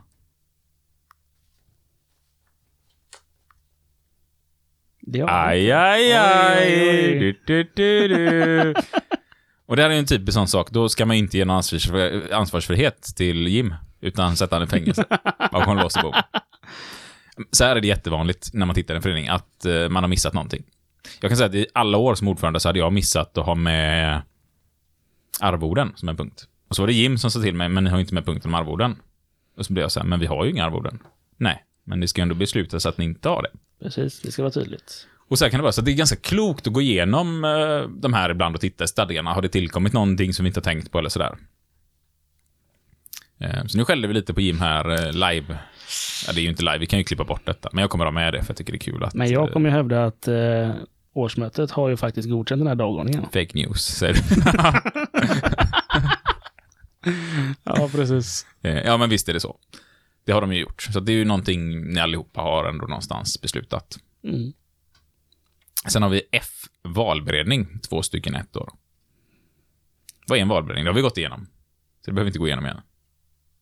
Eller har vi det? Nej, ja, det gjorde vi förut. Det har vi gjort. Funktion, ja, precis. Vilka som är med på mötet. Ja, de, de föreslår alltså till valen, alltså vilka individer som man tycker ska väljas. Och normalt så samlar en valberedning in från alla medlemmar, får man skicka in en, ett förslag på de här vill vi nominera. Och så sitter valberedningen och tittar på. Och där kan man väl säga att det kanske vi också ska ha ett avsnitt om sen med valberedning. Hur funkar en valberedning? Vad är det man ska tänka på i en valberedning? Vad är viktigt, speciellt i en fackföreningsrörelse? Mm. Ehm, mm. Sen har ni G, firmatecknare. Den låter ju häftig. Mm, det låter fräckt, va? Det är de som tecknar firma. Ja. Vad innebär Eh, det då? Det är ju vilka som är företrädare gentemot banken och Skatteverket i princip, kan vi säga. Eh, och där brukar vi välja ordförande och kassör. Det är väldigt vanligt att man väljer det. Det brukar vara jättevanligt. Och det är för att man ska kunna göra köp med bankkort eller skriva på avtal till... Ja. eh, Ibland bank. har man även hela styrelsen som eh, firmatecknare. Ehm, mm. Då har vi lämnat punkt 9, stadgeenliga val, och så tittar vi på punkt 10, arvoden. Mm. Eh, det är ju om, om då man skulle ha pengar i föreningen och man har pengar för olika ansvarsområden, eh, uppdrag. Och vi har noll kronor. Och jag kom på att vi införde faktiskt, efter vi kom på att vi inte hade några arvoden, hade- så har vi infört ett arvode hos oss. Mhm. Och det är vid de tillfällen vi har en förtroendevald, eller en medlem som tar på sig ett uppdrag för klubben, Mm. som går i pension. Och man kommer in och fortsätter utföra sitt uppdrag efter pension, eller alltså när man är Aha, pensionär. man jobbar inte längre. Man jobbar inte längre. Då får man ett litet presentkort hos Jaha. oss. På en egentligen ganska symbolisk summa mellan 300 till 500 kronor. Någonting kul. Och vi har haft eh, våran kära Reine Magnusson som har varit revisor. Mm. Som har tyckt att det varit kul. Och det har inte varit krig om att ta över den här revisorsplatsen. Så han har fortsatt som ersättare, vilket har varit tur. För att våra revisorer har vi haft oturen två år i rad att de har slutat mitt under året. Jaha. Och då har Reine kommit in och så har han hjälpt till eh, med revisionen Ja, han har kört revisionen. Mm. Och nu när jag sitter och pratar om detta inser jag att vi har missat Ja, att köpa ett presentkort till honom. Så det här har han gjort eh, gratis ändå utan att klaga. Han är en väldigt snäll revisor. Han är en väldigt snäll revisor. Så trots att ni inte har följt årsmötets beslut då? Ja, det skulle han ju kunna yrka på. Vi yrkar inte på ansvarsfrihet här, för jag har inte fått mitt presentkort. Era as, hade han kunnat säga. Liksom. Ja. Mm, med all rätt. Lätt hänt. Eh, Men det har han inte sagt. Sen lämnar vi punkt 10 då, så hoppar vi in på punkt 11. Former av kallelse till möte. Mm, eh, och det är ju hur vi ska kalla då. Det beslutar vi ju eh, på årsmötet. Och vi har beslutat att vi ska använda e-mail och sätta upp lappar i verkstaden. Det är alltså inte formen på pappret här nu, utan det är i vilken form man Eh, skickar nej, ut den. Precis. Hur, hur medlemmarna blir informerade. Mm. Och det är där man kan skriva Rasmus Eback. Ja, precis. Om eh, det, det skulle kunna funka då Ja. kanske. Det hade ju varit fräckt att anlita honom om han, jag vet inte vad han gör idag liksom. Eh, inte Men om han kan komma hit och Sjunga på alla verkstäder. Ja. Eh, är det så att du som lyssnare råkar bo i Danmark och Känner honom. känner Rasmus, så kan väl du skicka ett mejl? Det har varit jätteintressant att veta. Om han ställer upp gratis, då antagligen. Ja, ja. Annars är det inte så jätteintressant. veta det. Vi kan bjuda på lunch och så, fika. Ja, det är så. Eh, ja, sen har vi punkt 12, representantskapsombud. Och det har man ju kanske inte överallt. Nej, men det har vi ju i IF Metall i alla fall på våra klubbar för våra avdelningar. Eh, där det är avdelningens eh, årsmöte och eh, Högst beslutande organ Ja, för precis. avdelningen egentligen, som tar beslut exakt. om vilka som ska ha uppdrag och lite sådär. Och hur ekonomin ska skötas där. precis. Sen har vi punkt 13, övriga frågor. Mm. Och vi hade inga övriga frågor, men det är om någon medlem kommer till mötet och vill lyfta någonting som inte är beslutsfattande egentligen, för det behöver vara utskickat innan då. Och det är jätteviktigt att du tar upp det, att det, man kan inte ta några beslut där. Nej, men Men om det kan om säga, det är ja, de frågor- pengarna vi hade där i kassan liksom, jag föreslår att vi betalar ut arvode till alla som var på årsmötet. Mm, nej, precis. Då kan man svara, jättebra åsikt. Skriv en motion om det, liksom, eller lägg det som förslag till nästa möte. Till nästa år. Ja. Och sen har vi punkt 14 här, mötets avslutande. Och det är där man talar om att nu är mötet avslutat och då är formellt mötet klart. Ja, då finns det ingenting mer som kan komma in på protokollet för det här liksom. Ehm, och det här var väl en gedigen och bra dagordning, men som sagt, ni måste titta i era liksom, organisationer. Hur ska en dagordning se ut hos er och vad ska den innehålla och sådär. Eh, tio minuter tog det att gå igenom det här. Shit, vad tråkigt att lyssna på.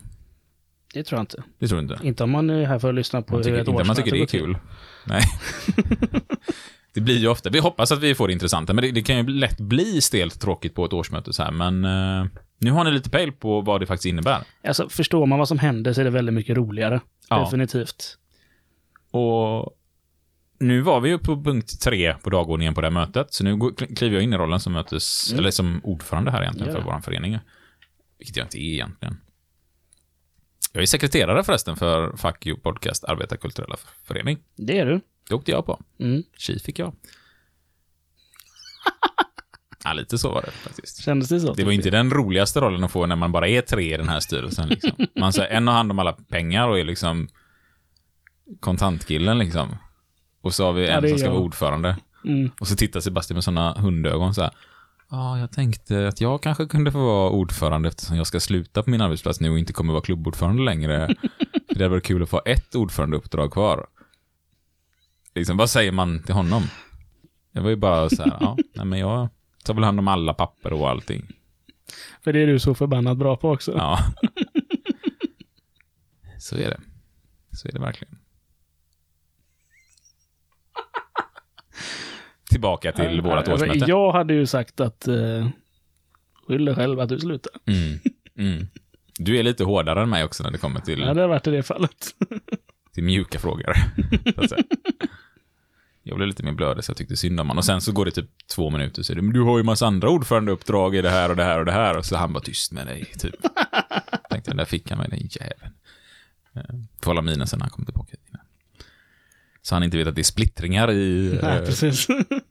styrelsen. Tillbaka till mötet. Ja. Nu kliver jag in i min roll här som. Liksom, Ja. Face.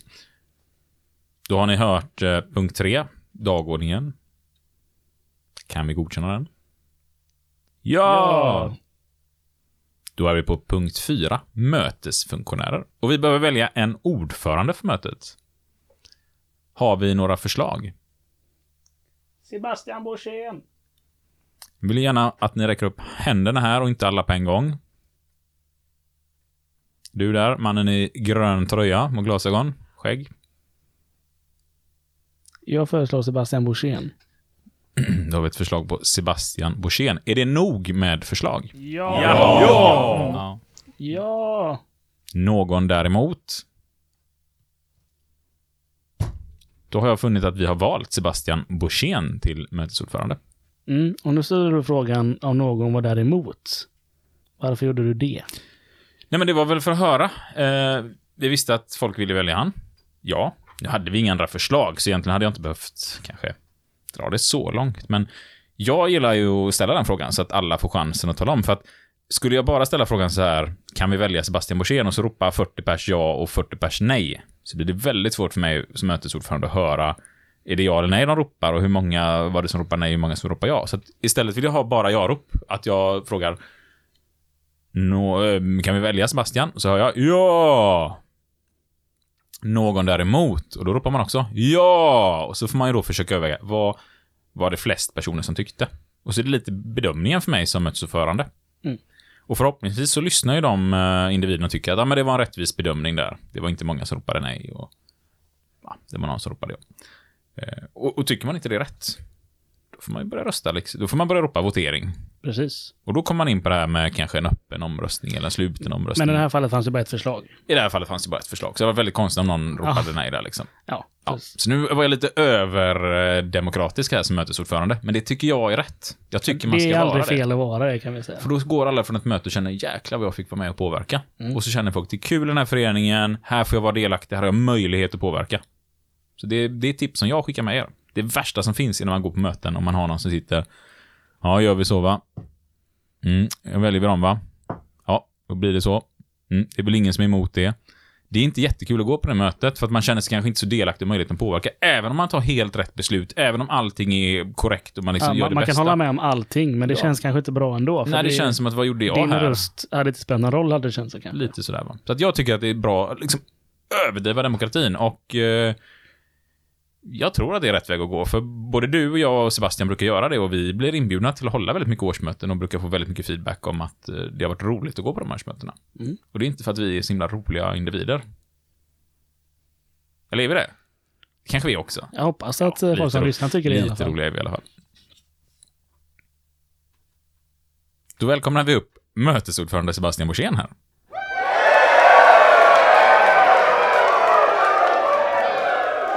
Oj, då vill jag verkligen tacka för förtroendet att få leda det här mötet. Så tack så mycket. Nu är jag borta lite, som ni vet, så jag blev lite så ofrivilligt vald genom att vara borta ifrån rummet, som man säger. Facklig demokrati. Mm, ja, men precis. Är man inte med så blir man konstituerad till alla uppdrag, som jag brukar säga när man kommer missa konstitueringsmötet i en styrelse. Eh, ni har ju dock glömt en liten punkt här på dagordningen, så egentligen skulle vilja diskutera och lyfta till agendan, så att säga. Och det är ju eh, röstlängden, alltså röstberättigade. Jag menar, jag har ju sett här i salen, eh, vi har drottning Silvia, vi har arga snickaren. Får man ställa frågan, är de medlemmar i föreningen? Det kan vara en ganska viktig grej att veta. Nej, det, är- det är de inte. Det är de inte, nej. Nej. Så de är bara med här egentligen och då ser man ju då att vad är vi sammanlagt? Ja, De är egentligen här för att höja vår status, kan man väl säga. så är det ju. Ja. Så är det ju. Men det är Kanske inte arga snickaren, han är Nej, bara här för jag har aldrig gjort klart skiten. Men jag, alltså, han lämnar inte. Tar man lite med röstlängden så är det ju väldigt viktigt att alltså, alla kan ju komma på ett, eh, egentligen ett årsmöte. Tar man en bostadsrättsförening exempelvis, ja då får man ju kolla vad stadgarna säger, vilka som är röstberättigade. Är det ett hushåll? Eller om jag har en familj på nio personer, har vi nio röster på årsmötet? Sådana här saker är väldigt viktigt att veta. Hur många röster har vi egentligen i händelse av att det ska bli val eller beslut som ska fattas? Man måste veta vad röstlängden är. Så det ska jag ha med på dagordningen egentligen precis strax innan egentligen, eller efter dagordningens godkännande. Likadant här så klev jag ju upp här redan på punkten A, ordförande på mötesfunktionärer. Där kan man ju variera en förening. Ibland har man att man kör egentligen ordförande, sekreterare, protokolljusterare, tillika rösträknare, punkten. Och sen kliver, kliver presidiet upp på och leder mötet. Så det kan man ju variera, så det kan vara bra att veta för, för kännedomen liksom skull att det så kan variera. Ibland så går ordförande upp när man väljer ordföranden, sen går sekreteraren upp när man väljer sekreteraren. Och ibland så behandlar man alla tre punkter i ett, ett och samma svep och så tar man egentligen och leder mötet därefter. Men jag hoppar till punkten B, sekreterare, och då väljer jag att släppa ordet fritt till alla här, så att som om man vill lägga några förslag på någon person. Då ser vi en hand upp här och jag tillhör då till Isak Ekblom. Ja, jag skulle vilja nominera Jim Tellefsdal som sekreterare. Jim Tellefsdal är föreslagen Och ordet är fortfarande fritt. Jag ser inga andra förslag. Nej. Är det nog med förslag ställer jag frågan då? Ja! Ja! Ja, det är det. Bra. Och då det endast finns ett förslag och det är Jim Tellefsdal som ska vara sekreterare för detta möte är det också mötets mening att vi ska välja Jim Tellefsdal till mötessekreterare. Ja! Ja! Jag finner att vi har valt Jim Tellefsdal till mötessekreterare. Och där fick ni en liten annan version än den jag drog när vi valde. Båda två absolut jättebra tycker jag för att folk ska känna sig delaktiga i besluten. Mm, jag ju det, men jag misstänker att du sitter här och försöker rädda ansikten nu här. Nej, nej, nej, nej, nej, nej, nej, det var verkligen, eh, nej, men det var verkligen alltså, två tydliga, jag ställde bara frågan ovan däremot också, Mm. men det behöver man ju inte göra i ett sånt här läge, vi pratade lite om det innan, att det blir så att, eh, utan man kan välja lite hur tydligt demokratiskt, men vi pratade också om det här viktiga med att när man får det låta som att man bara, då gör vi så va? Ja. Det, så får det absolut inte gå Nej. till om man vill Nej, känna att det är folk ju helt horribelt om man skulle göra så. Så att, eh, och det jag gjorde här, alltså varför jag inte ställde frågan om det är någon däremot, för det fanns ju bara ett enda förslag och det var ju Jim. Så om någon skulle vara emot det, då skulle man ha föreslagit någonting annat. Och då Ja, kan man inte precis. bara ställa sig, ja men det gör vi så va? Och där är vi på punkt C, protokolljusterare tillika rösträknare. Och då ska vi välja två stycken personer som ska då justera protokollet och i händelse av att det är val också ska räkna röstantalet. Ja, vi har ordet där. Är det någon arvode på den eller? Eh, nej, det är det inte, utan eh, det här gör man för föreningens bästa. Ja. Nej tack säger jag då. Jag har en annan hand upp här. Det var inga arvoden, men kostar det någonting? Nej, alltså det här är ju då för mötet eh, egentligen att det ska fungera så behöver vi ha två stycken protokolljusterare och rösträknare. Nej, men då kan jag vara en av dem. Du kan vara en när man var bra. Och där ser jag en hand till. Du kan tänka dig vara protokolljusterare till lika rösträknare. Ja, det kan hända. Perfekt, då har vi eh, Karl-Oskar och Jerry föreslagna. Ordet är fortfarande fritt. Är det nog med förslag? Ja. Svar ja. Och då det endast finns ett förslag och det är Karl-Oskar och Jerry är det också mötets mening att vi ska välja dessa två till protokolljusterare till lika rösträknare. Ja. Svar ja. Och då går vi till punkt 5, verksamhetsberättelse. Och den finner ni, om inte ni har tagit den där ute vid dörren så finns det en som ligger uppladdad på bordet. Och ni som har den så är det ju egentligen då den här, där det står egentligen vad föreningen har gjort under året. Och då kan vi egentligen bara kolla här på pappret vad det står.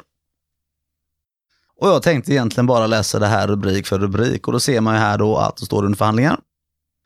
Sen är vi på möten. Och där ser ni då om alla möten som har varit under året. Sen så ser vi här under studier och då ser man att de har skickat iväg här från föreningen några på kurser. Sen går vi till arbetsmiljö och då ser vi här att verksamheten kring arbetsmiljö. Och sen går vi till övriga medlemsaktiviteter och då ser ni ett gediget blad där.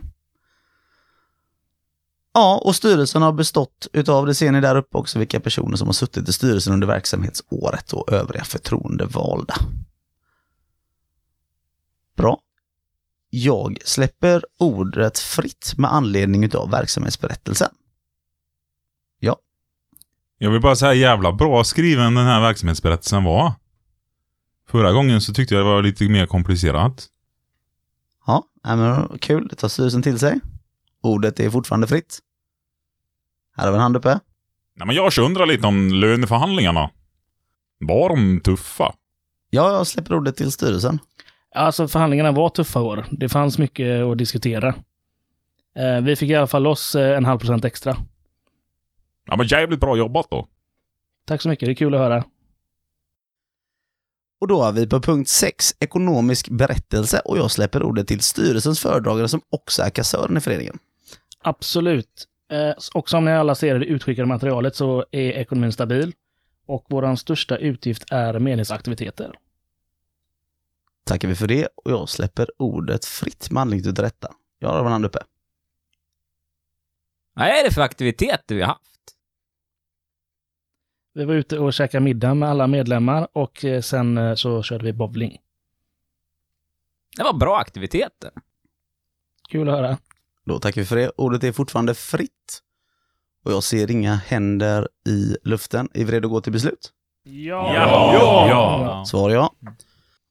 Och då det endast finns ett förslag och det är att lägga den ekonomiska berättelsen till handlingarna. Är det också mötets mening att vi ska göra så? Ja. Svar ja. Det är väldigt mycket män på det här årsmötet. Ja. vi går till punkt sju, revisorernas berättelse. Och jag välkomnar upp revisorerna. Ja, vi har eh, granskat ekonomin enligt god revisors eh, sed och har inte hittat några konstigheter. Och föreslår därför att, eh, ja, att vi yrkar på ansvarsfrihet för styrelsen. Då tackar vi för det. Jag släpper ordet fritt med anledning till detta. En hand uppe. Ja, jag undrar hur har ni granskat pengarna? Ja, vi har ju då kollat på pengar, beslut, gått igenom samtliga protokoll i klubben och, och tittat så allting stämmer helt enkelt. Tack så mycket. Du är välkommen. Ja, ordet är fortfarande fritt. Ser inga fler händer i luften. Är vi redo att gå till beslut? Ja! Ja. Svar ja. Och då det endast finns ett förslag till beslut och det är att lägga revisorernas berättelse till handlingarna. Är det också mötesmeningen att vi kan göra så? Ja! Svar ja. Och då är vi på punkt 8, frågan om ansvarsfrihet för styrelsen. Och då är det så att vi har hört verksamhetsberättelsen, vi har hört den ekonomiska berättelsen och vi har hört revisorernas berättelse där de yrkar på ansvarsfrihet för styrelsen. Och jag släpper ordet fritt med anledning av detta. Och jag ser inga händer i luften. Är mötet redo att gå till beslut? Ja. Ja. Svar ja. Och då det endast finns ett beslut och det är att vi ska yrka ansvarsfrihet om, eh, för hela styrelsen för föregående verksamhetsår är det också mötets mening att vi ska göra så. Ja! Svar ja. Och nu kör man en sån här liten applåd så här vanligtvis. Liksom så här, wow, bra jobbat hela året. Så. Ungefär så här går ett möte till. Det blir ingen poäng liksom att vi ska fastna och fortsätta liksom att förklara detta, utan vi ska mer gå igenom resterande dagordning för att förklara lite hur man går tillväga. För det finns olika sätt att ställa upp de här respektive valen vi ska göra och de olika frågorna. Så jag tänkte att det är så vi ska göra resten av mötet. Ja, men vi kan väl hoppa till en valpunkt då. Hur, hur blir det när det blir liksom tokigheten? För nu har allting gått smidigt, vi hade inte tillräckligt många. Men om det, det, det blir för många personer, här blir det, vi ska vi hoppa till en sån punkt? Ja, och det är ju faktiskt nästa punkt som är punkt 9 egentligen på våran dagordning här då. Och det är stadgeenliga val. Och då, liksom stadgeenliga val, det är de som exempelvis i stadgarna står då att de här valen måste förrättas på ett årsmöte. Eh, och i det här fallet så har vi då A, en ordförande som ska väljas till en person på två år. Vi har ledamöter, suppleanter, skyddsombud, revisorer, valberedning och firmatecknare. Och varför är de här med på mötet? Jo, man måste ju välja vissa personer som är funktioner i styrelsen exempelvis. Och där har man ju valberedningen som då kanske går runt, kollar på verksamheten. Det kan vara en stor arbetsplats där det finns dag, kväll, nattskift, helgskift, femskift. Där det finns ju olika sorter. Man kan vara på flera olika platser. Och då besöker ju valberedningen och inte samlar in de här nomineringarna som folk föreslår. Eh, man kan behandla det på olika sätt. Man kan behandla respektive punkt för sig, men man kan också ta, eh, vad heter det, att man egentligen beslutar om att behandla allting som en stor klump. Egentligen. Det kan man göra på allting förutom egentligen valberedning och firmatecknare. För valberedning kan ju inte föreslå en valberedning, ja jag föreslår mig själv, det blir väldigt konstigt. Så de punkterna behandlas egentligen på I demokratiska föreningar. Ja. Men det är ganska vanligt i en bolagsstyrelse, aktieägda bolag, att det är så det går till. Ja. Att eh, ordförande också sitter i valberedningen lite sådär. Mm. Det kan ju ske. Och också kanske sitter majoriteten av alla röster och röstar på sig själv också. Det blir ju lättare så om man vill få igenom sina beslut. Ja. Men så det är viktigt att tänka på att man kan aldrig, liksom, valberedningen kan aldrig gå upp och föreslå valberedningen, utan det ska göras utav mötet. Ibland kan man göra det att det är revisorerna som utser, eller föreslår rättare sagt, en eh, valberedning. Att man nominerar till revisorerna. Så där får man ju kolla i stadgarna vad de säger i de här frågorna. Men rent tekniskt sett, om vi skulle köra så här, A, ordförande, bara behandla den punkten lätt, och så kör vi den separat då. Då ställer man frågan, ja, valberedningen får komma upp, de presenterar sitt förslag, alltså deras nominering. Och då ställer Isak frågan, finns det någon övernominering säger du? Ja, finns det någon övernominering? Nej, det gör det inte i det här fallet, säger vi att det gör. Då finns det ju bara ett förslag. Och därför så släpper jag ordet fritt. Om man inte har infört så här nomineringsstopp, att man får bara inte nominera fram till ett visst datum. Annars är det ju fram tills mötet och den här punkten behandlas som man kan nominera. När jag har klubbat här nu, bang, det fanns ett förslag, mötets mening var att vi valde den här personen till ordförande och jag gör så, klubbat. Då, då kan man säga, du förresten jag ändrar mig, jag vill föreslå Jim istället till ordförande. Det går inte. Utan då har man klubbat och då är det klart liksom. Sen kan det vara så att vi har ledamöter och så ska vi välja två stycken i det här fallet och då, då, då frågar jag, eh, ja, valberedningen kommer upp igen och de berättar liksom, ja, vi har de här två personerna. Och då säger Isak frågan så här, Ja, eller någon annan.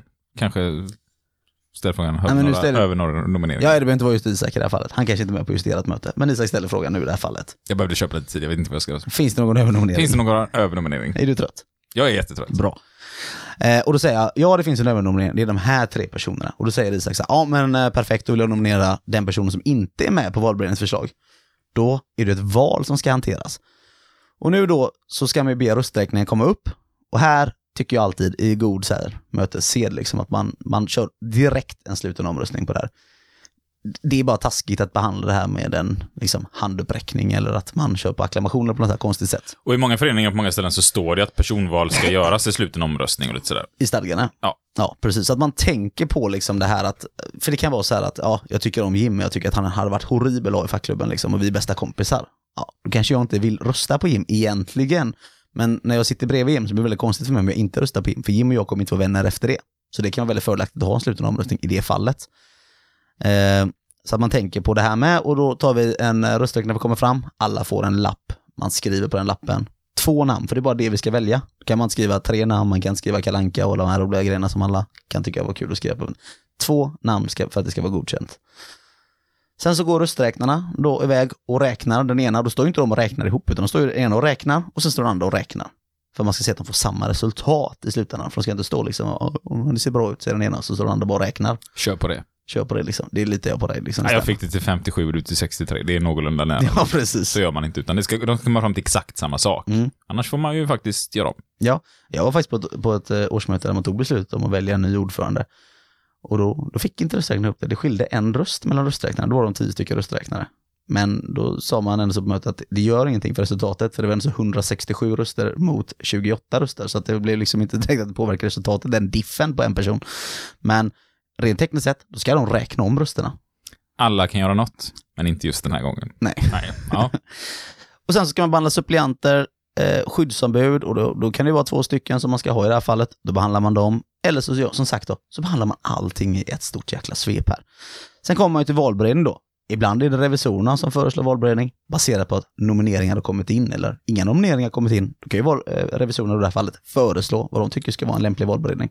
Och här har vi kommit till det eh, steget i mötet nu när vi är en ganska lång bit in i mötet. Det har varit jobbiga val, eh, frågor kanske som behövs besvaras, där folk är på olika nivåer och sådär.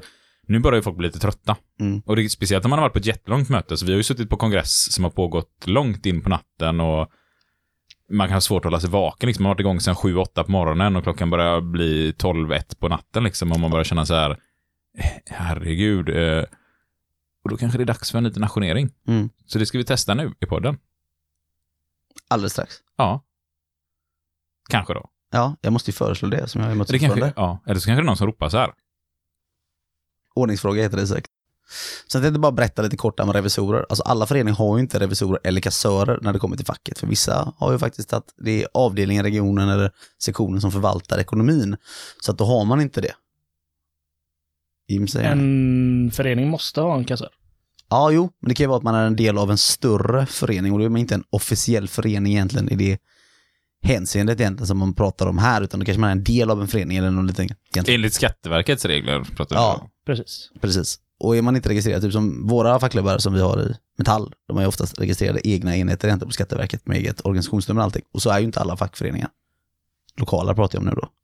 Utan de kan ju bara exempelvis tillhöra en, eh, en, en större organisation som har ett organisationsnummer egentligen och där på det sättet få, eh, Och där har de en kassör.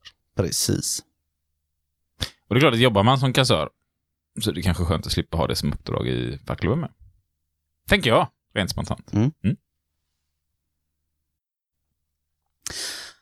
Sen har vi den här punkt 10 då som handlar om arvoden och exempelvis i stadgar står det att man ska hantera det på mötet. Det kan också vara att man hanterar medlemsavgifter. kan också vara en sån fråga som behandlas på mötet. Vad ska vi ha för föreningsavgifter egentligen? Alltså det, Och det var vi varit inne och pratat lite om Ja. när vi pratade om dagordningen. Precis.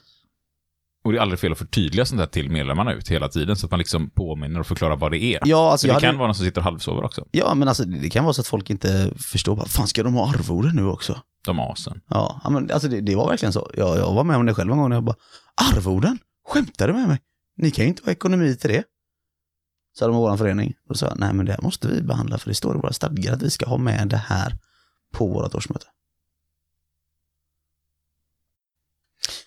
Ja, nej men det var väl egentligen de här punkterna som vi avhandlade. Alltså det, det, man kan lägga till vad som helst. Det kan för kolla vad stadgarna säger egentligen vad som ska behandlas på ett årsmöte. Det kan vara anslag till olika föreningar som måste tas beslut av årsmötet eller att man ska bli medlemmar i andra föreningar.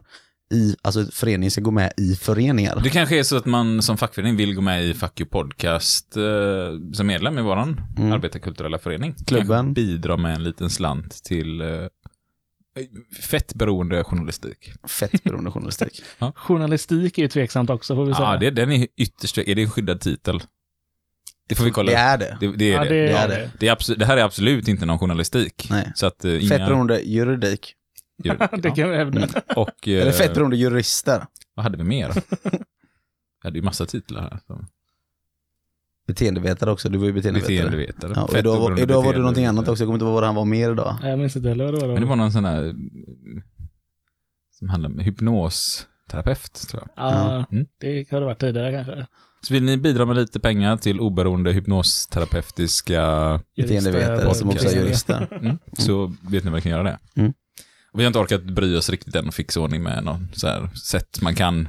Alltså, bry oss är ju inte helt rätt. Vi har Nej, det precis fått papperna Ja. för att vi är en förening. Det kom verkligen i veckan. Ifrån Skatteverket. Men jag har inte orkat bry mig den här veckan om det. Men ni har ju faktiskt gjort det och faktiskt legat på lite så att kan inte breven komma snart? Jag kollade igår senast hur vi ska göra det här. Jims mamma jobbar på posten liksom, han har försökt få henne, kan du få det Stjäl brev- snabbare? Stjäl brevet innan brevet, liksom, ja. den riktiga brevbäraren som har Ja. mitt postråd och så kidnappar den och tar, tar dens roll på morgonen. Så, ja. Ehm, Vi håller på med det. ja. Jag håller på med det. Och med de orden så avslutar jag mötet. Och så ska vi behandla lite olika propositioner man kan ställa upp. Hur man ställer saker och ting mot varandra på ett möte. Ja, men en övning som vi alltid brukar göra när vi håller kurs, liksom. Som Mm. tänkte vi ska göra med er lyssnare. Mm. Så det blir svårt att ni ska ge någonting tillbaka. Som vanligt så förväntar vi oss saker av lyssnarna som är omöjligt liksom, att ske. Men använd Vi och vi brukar oftast vara du som tycker lyssnarna ska göra saker. era telepatiska förmågor och så. Tycker saker om lyssnarna, tycker de ska göra saker. Ja. Säger att deras tid inte är viktig, att de inte gör någonting viktigt med sin tid. Sådana grejer. Mm. Ja. Men någon måste komma med den hårda sanningen. Jag brukar säga. Ja. Tar vi ingen på det eller? Det gör vi. Vi tar en extra lång.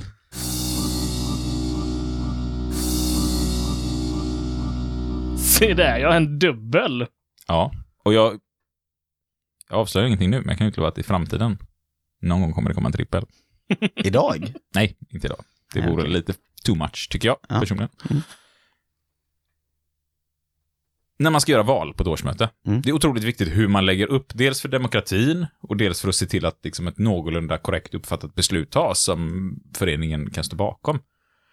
Och det finns ju olika sätt. Alltså, kan du nämna några exempel, Sebastian, på när man ska ställa? Vi har fått in liksom massa olika förslag. Vi, vi, vi tar det här exemplet som vi brukar köra på våra utbildningar. Mm. Vi sitter i en bostadsrättsförening.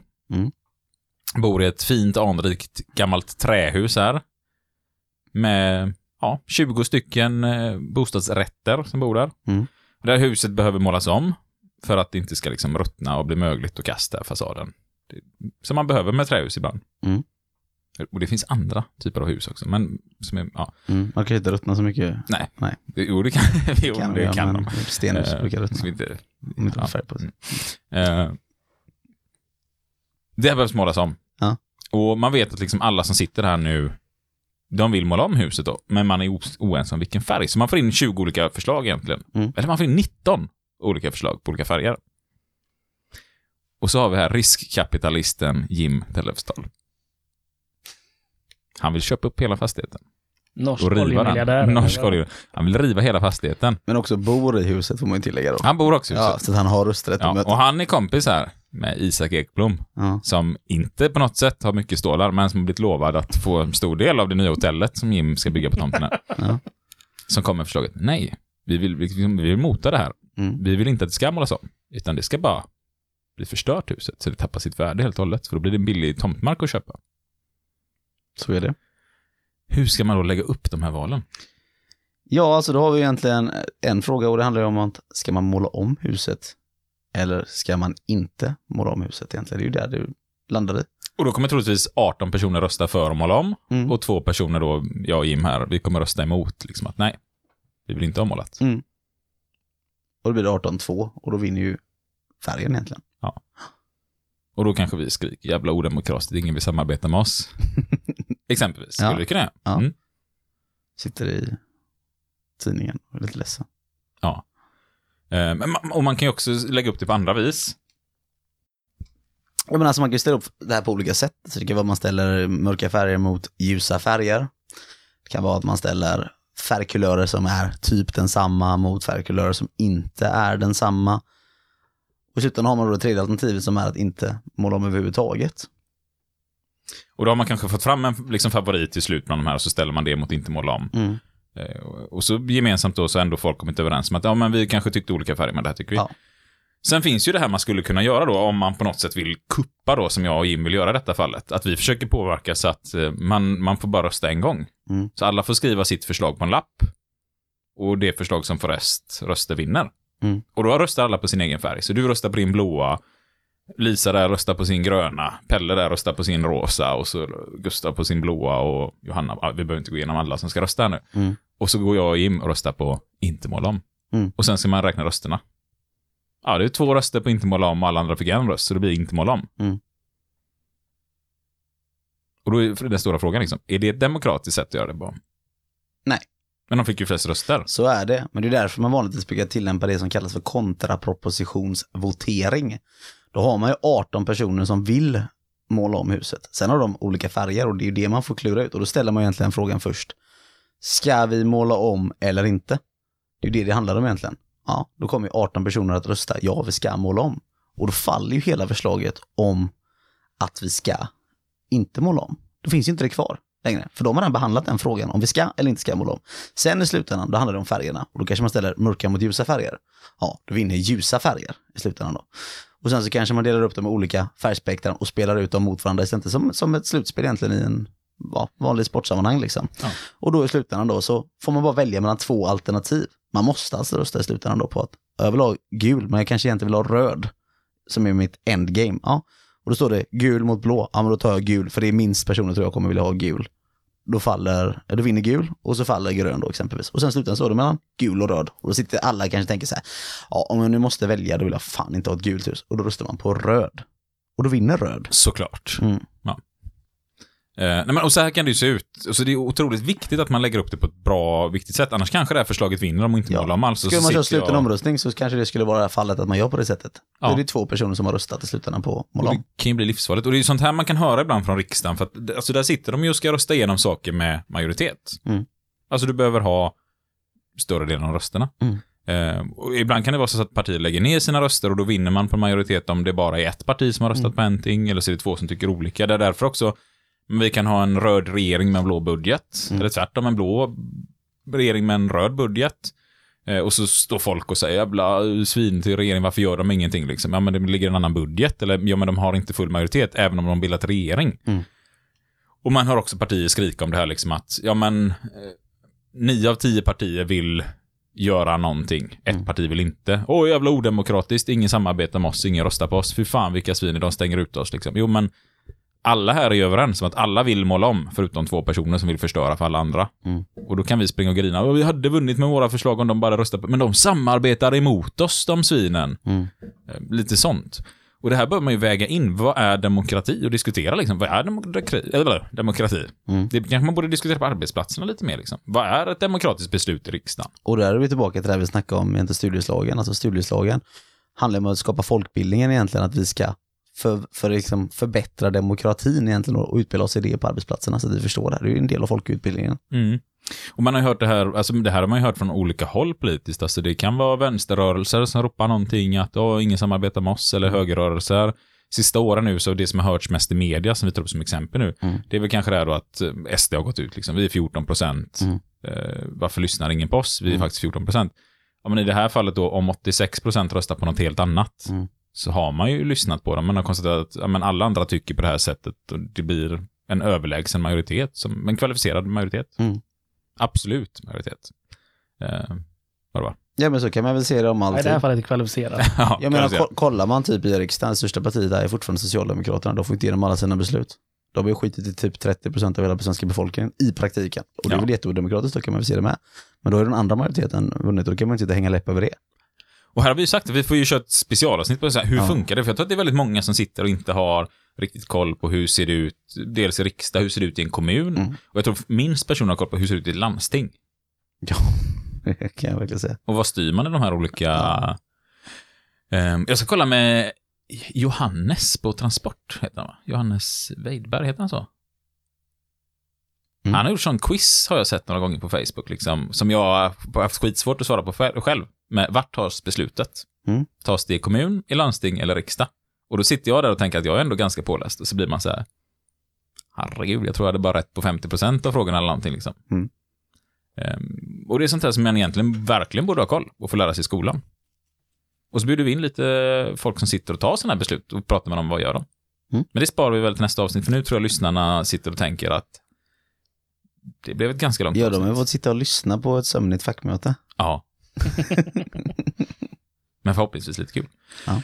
Ehm, det blir roligare att hänga med. Vad är era bästa mötes... Vi kan väl sluta med det. Vad är era bästa mötestips liksom för att få ett möte roligt att komma på och intressant när man är där? Mm, ja, men det är att härska egentligen på mötet. Mm. Och få alla att känna att de har inte någonting att komma med på mötet.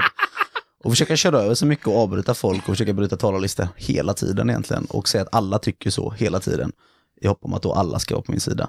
Mm. Ja. Säger Sebastian med och stirrar mig rätt in i ögonen och ser bombseriös ut. Kan jag säga. Så att jag blir nästan orolig själv här nu. Men jag, jag antar att det var lite på skoj Ja, men eh, du fick inte vara med på min senaste möte, det är därför. Nej, alltså det, det, det viktiga är alltså att man försöker, alltså typ ett tips är om du känner dig lite osäker på mötet, lyssna på det här avsnittet en gång till och försök, vad är det man, vad är det vi har sagt egentligen? Och läs även den här boken, Vad händer på mötet, som Ello faktiskt har tagit fram, för den är väldigt, väldigt tydlig.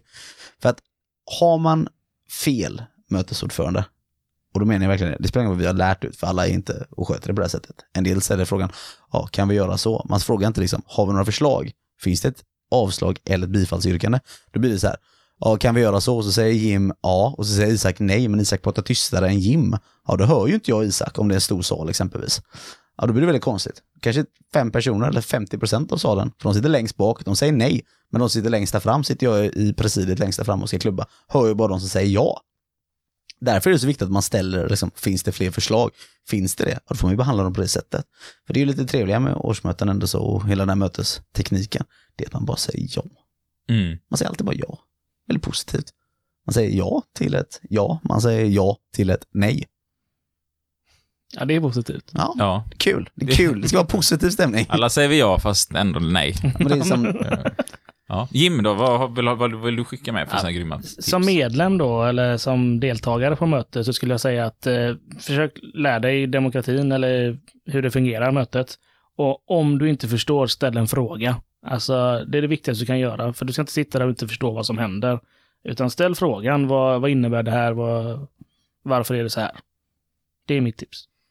Och när du gör det så kommer du högst sannolikt att märka att det är många som blir lättare kända. Vad skönt att någon frågade det.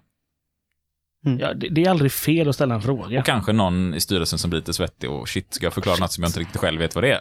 Eh, Och då Ja, får så man kan bara erkänna det. Jag vet inte riktigt själv, men det står här i stadgarna. Kan vi hjälpas åt att försöka lista ut vad det ska vara? Exakt. känner du osäker, alltså kontakta din avdelning, kontakta någon som du vet faktiskt kan mötestekniken och be dem komma och vara liksom, mötesordförande. Ja. Varför finns- inte Emma Åkesson som vi hade med här för ett tag sedan, som Ja. brukar hålla massa utbildningar i detta? Eller mejla fuckyoupodcast.gmail.com så kommer Isak ställa upp. Ja.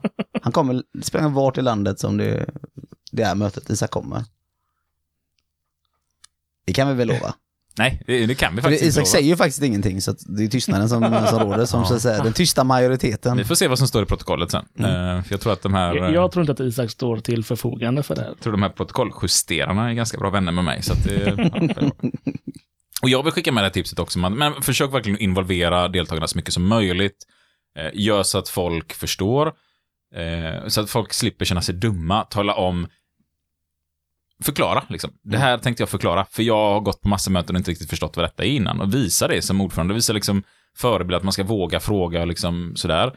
Eh, och lite som Sebastian säger, bjud in någon som är rolig att lyssna på. som är kul. Bjud in någon som kan få folk att slappna av lite.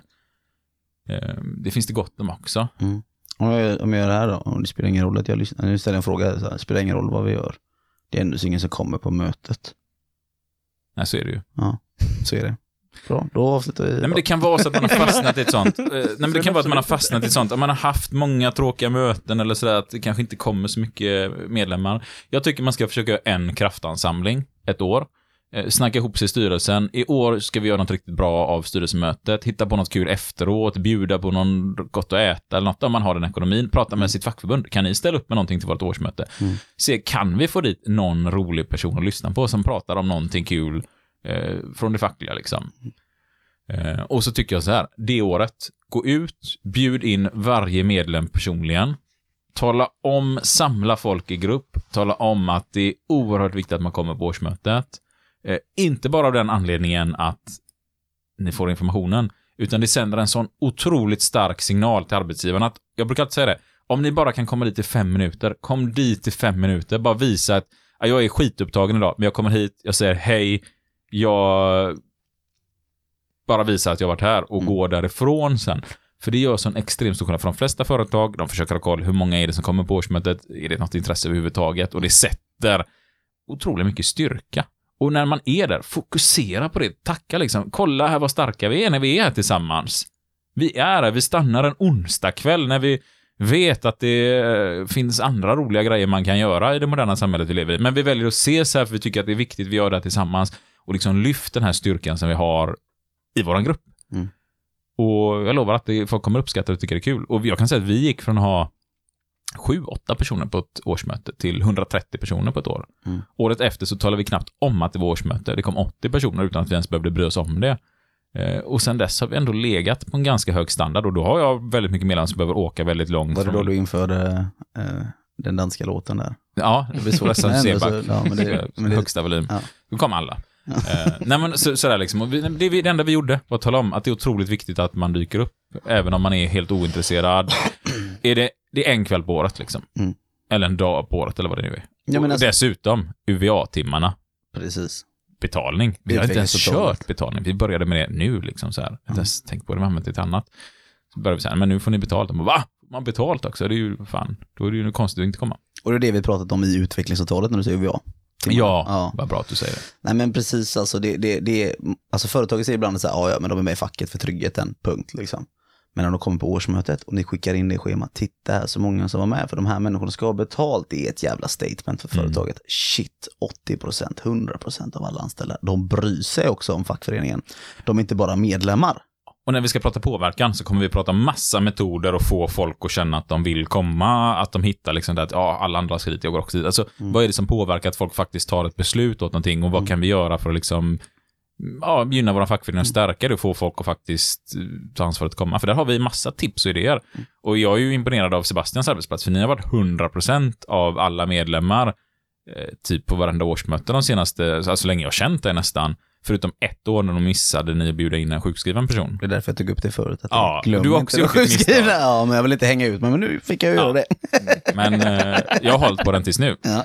Jag tänkte att medlemmarna ska sitta där och tänka han är ett proffs. Liksom. Och så Mm. sist sabbar man hela förtroendet alla har för dig. Så de bara, ja, jag kan inte lyssna på någonting han har sagt här. För... Nej, så nu tappade vi säkert ett par hundra Man, lyssnare. man lär sig av misstag. Man lär sig av misstag. Nej men precis, att lära sig av misstagen och liksom inte... Men bäst Alla gör kolla, dem. kolla med avdelningen, de skickar, alltså garanterat, alltså avdelningen, regionen, Eller förbundet. ja precis. De skickar garanterat någon person, de skickar prylar, allting. Jag har kört lotteri den senaste tiden, alla som kommer, då får man liksom dra en lott vet du, då får man, bam, här fick du presentkort på Coop, exempelvis. Ja. Och så kör man olika priser. Gör något kul. Ja. Och ja, ibland ställer man upp för andra förbund. Jag har varit ute på andra förbund och kört årsmöte. Och det har du med. Du har Mm. varit på Vision har du varit och kört eh, årsmöte för och grejer. Jajamensan, Och det var ju något av det lyxigaste jag hört. Då hörde jag att ni var på spa och grejer. det var det. Fantastiskt. Ja. Och med de eh, orden så kanske vi ska avsluta där. Ja, det kan vi göra. Sebastian, bjuder inte folk på årsmötet åker iväg på spa. Tack för idag. Tack för idag. Ha det gött. Big fucking deal. What the fuck are we doing out here? I ask you, what in the fuck are we doing here? So what's the big fucking deal? What the fuck are we doing out here? I ask you, what in the fuck are we doing here? Ordningsfråga. Ja. Jag skulle vilja föreslå en ajournering på mötet. Ja, en ordningsfråga då från Isak som körde en dialekt att han var från Slätta. och det var en fråga om att ajournera mötet. Det gjorde han ju inte. Nej, jag tror Sebastian behöver en ajournering. Han funderade på att göra det och provade det.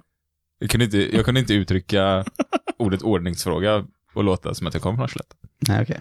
Jag är också lite trött. Ja. Lätt hänt. Ja. Men du kommer höra när du lyssnar på avsnittet efter att jag prata med min exakt vanliga röst. ja. Nej, men det, det är ju då en ordningsfråga. Och det var ju då att vi skulle ha en ajournering i mötet. Och då ställer jag ju som mötesordförande frågan här då, är det mötets mening att vi ska ajournera mötet? Ja. Ja. Svar ja. Hur länge blev det nu då? Ja, det kör vi nu en, eh, fem minuter. Fem minuter. Nu kommer det vara tystnad för dig som lyssnar på podden. Nej, det kommer inte vara. Ni kommer höra dörrar som öppnas och det är liksom Men du som att vi lyssnar på podden, nu är det så här. Nu ska du som lyssnar på podden pausa. Om du vill. Jag kan ju inte tvinga er. För vi har liksom ingen makt mer än att vi ger förslag egentligen. Pausa. Ta lite luft, sträck på benen. Tänk dig att nu är det paus i mötet här. Du går ut, tog kanske en kopp kaffe i lobbyn. Det är perfekt om du bor på hotell just nu. Då tar du hissen ner. Alltså, är du på promenad ska du sätta dig ner istället, tänker du? Det är ju ett alternativ. Ni som joggar och lyssnar på podden. Det här är perfekt att Isak ville vi skulle ha en ajournering när jag skulle förklara Ja, den sista punkten G, firmatecknare, och, och, inte ta, och så skulle vi ta en ajournering innan jag fick förklara firmatecknare. Ja, Men vi har redan förklarat det är- ordet ajournering. Det är mötets... Men det var firmatecknare vill du förklara? Nu? Ja, det var den sista ber- Vi har punkten. berättat vad det är. också. Det har ni gjort. Ja, vi har gått igenom det. Ja, det är kast, jag missade ju det här mötet. Så jag, jag var inte med på förra början. mötet som man säger. Mm. Nu får ni, alltså, det blir ingen paus för lyssnarna. De får sitta och lyssna på oss som bara har massa onödigt babbla. Paus, jingel, kör. Ja.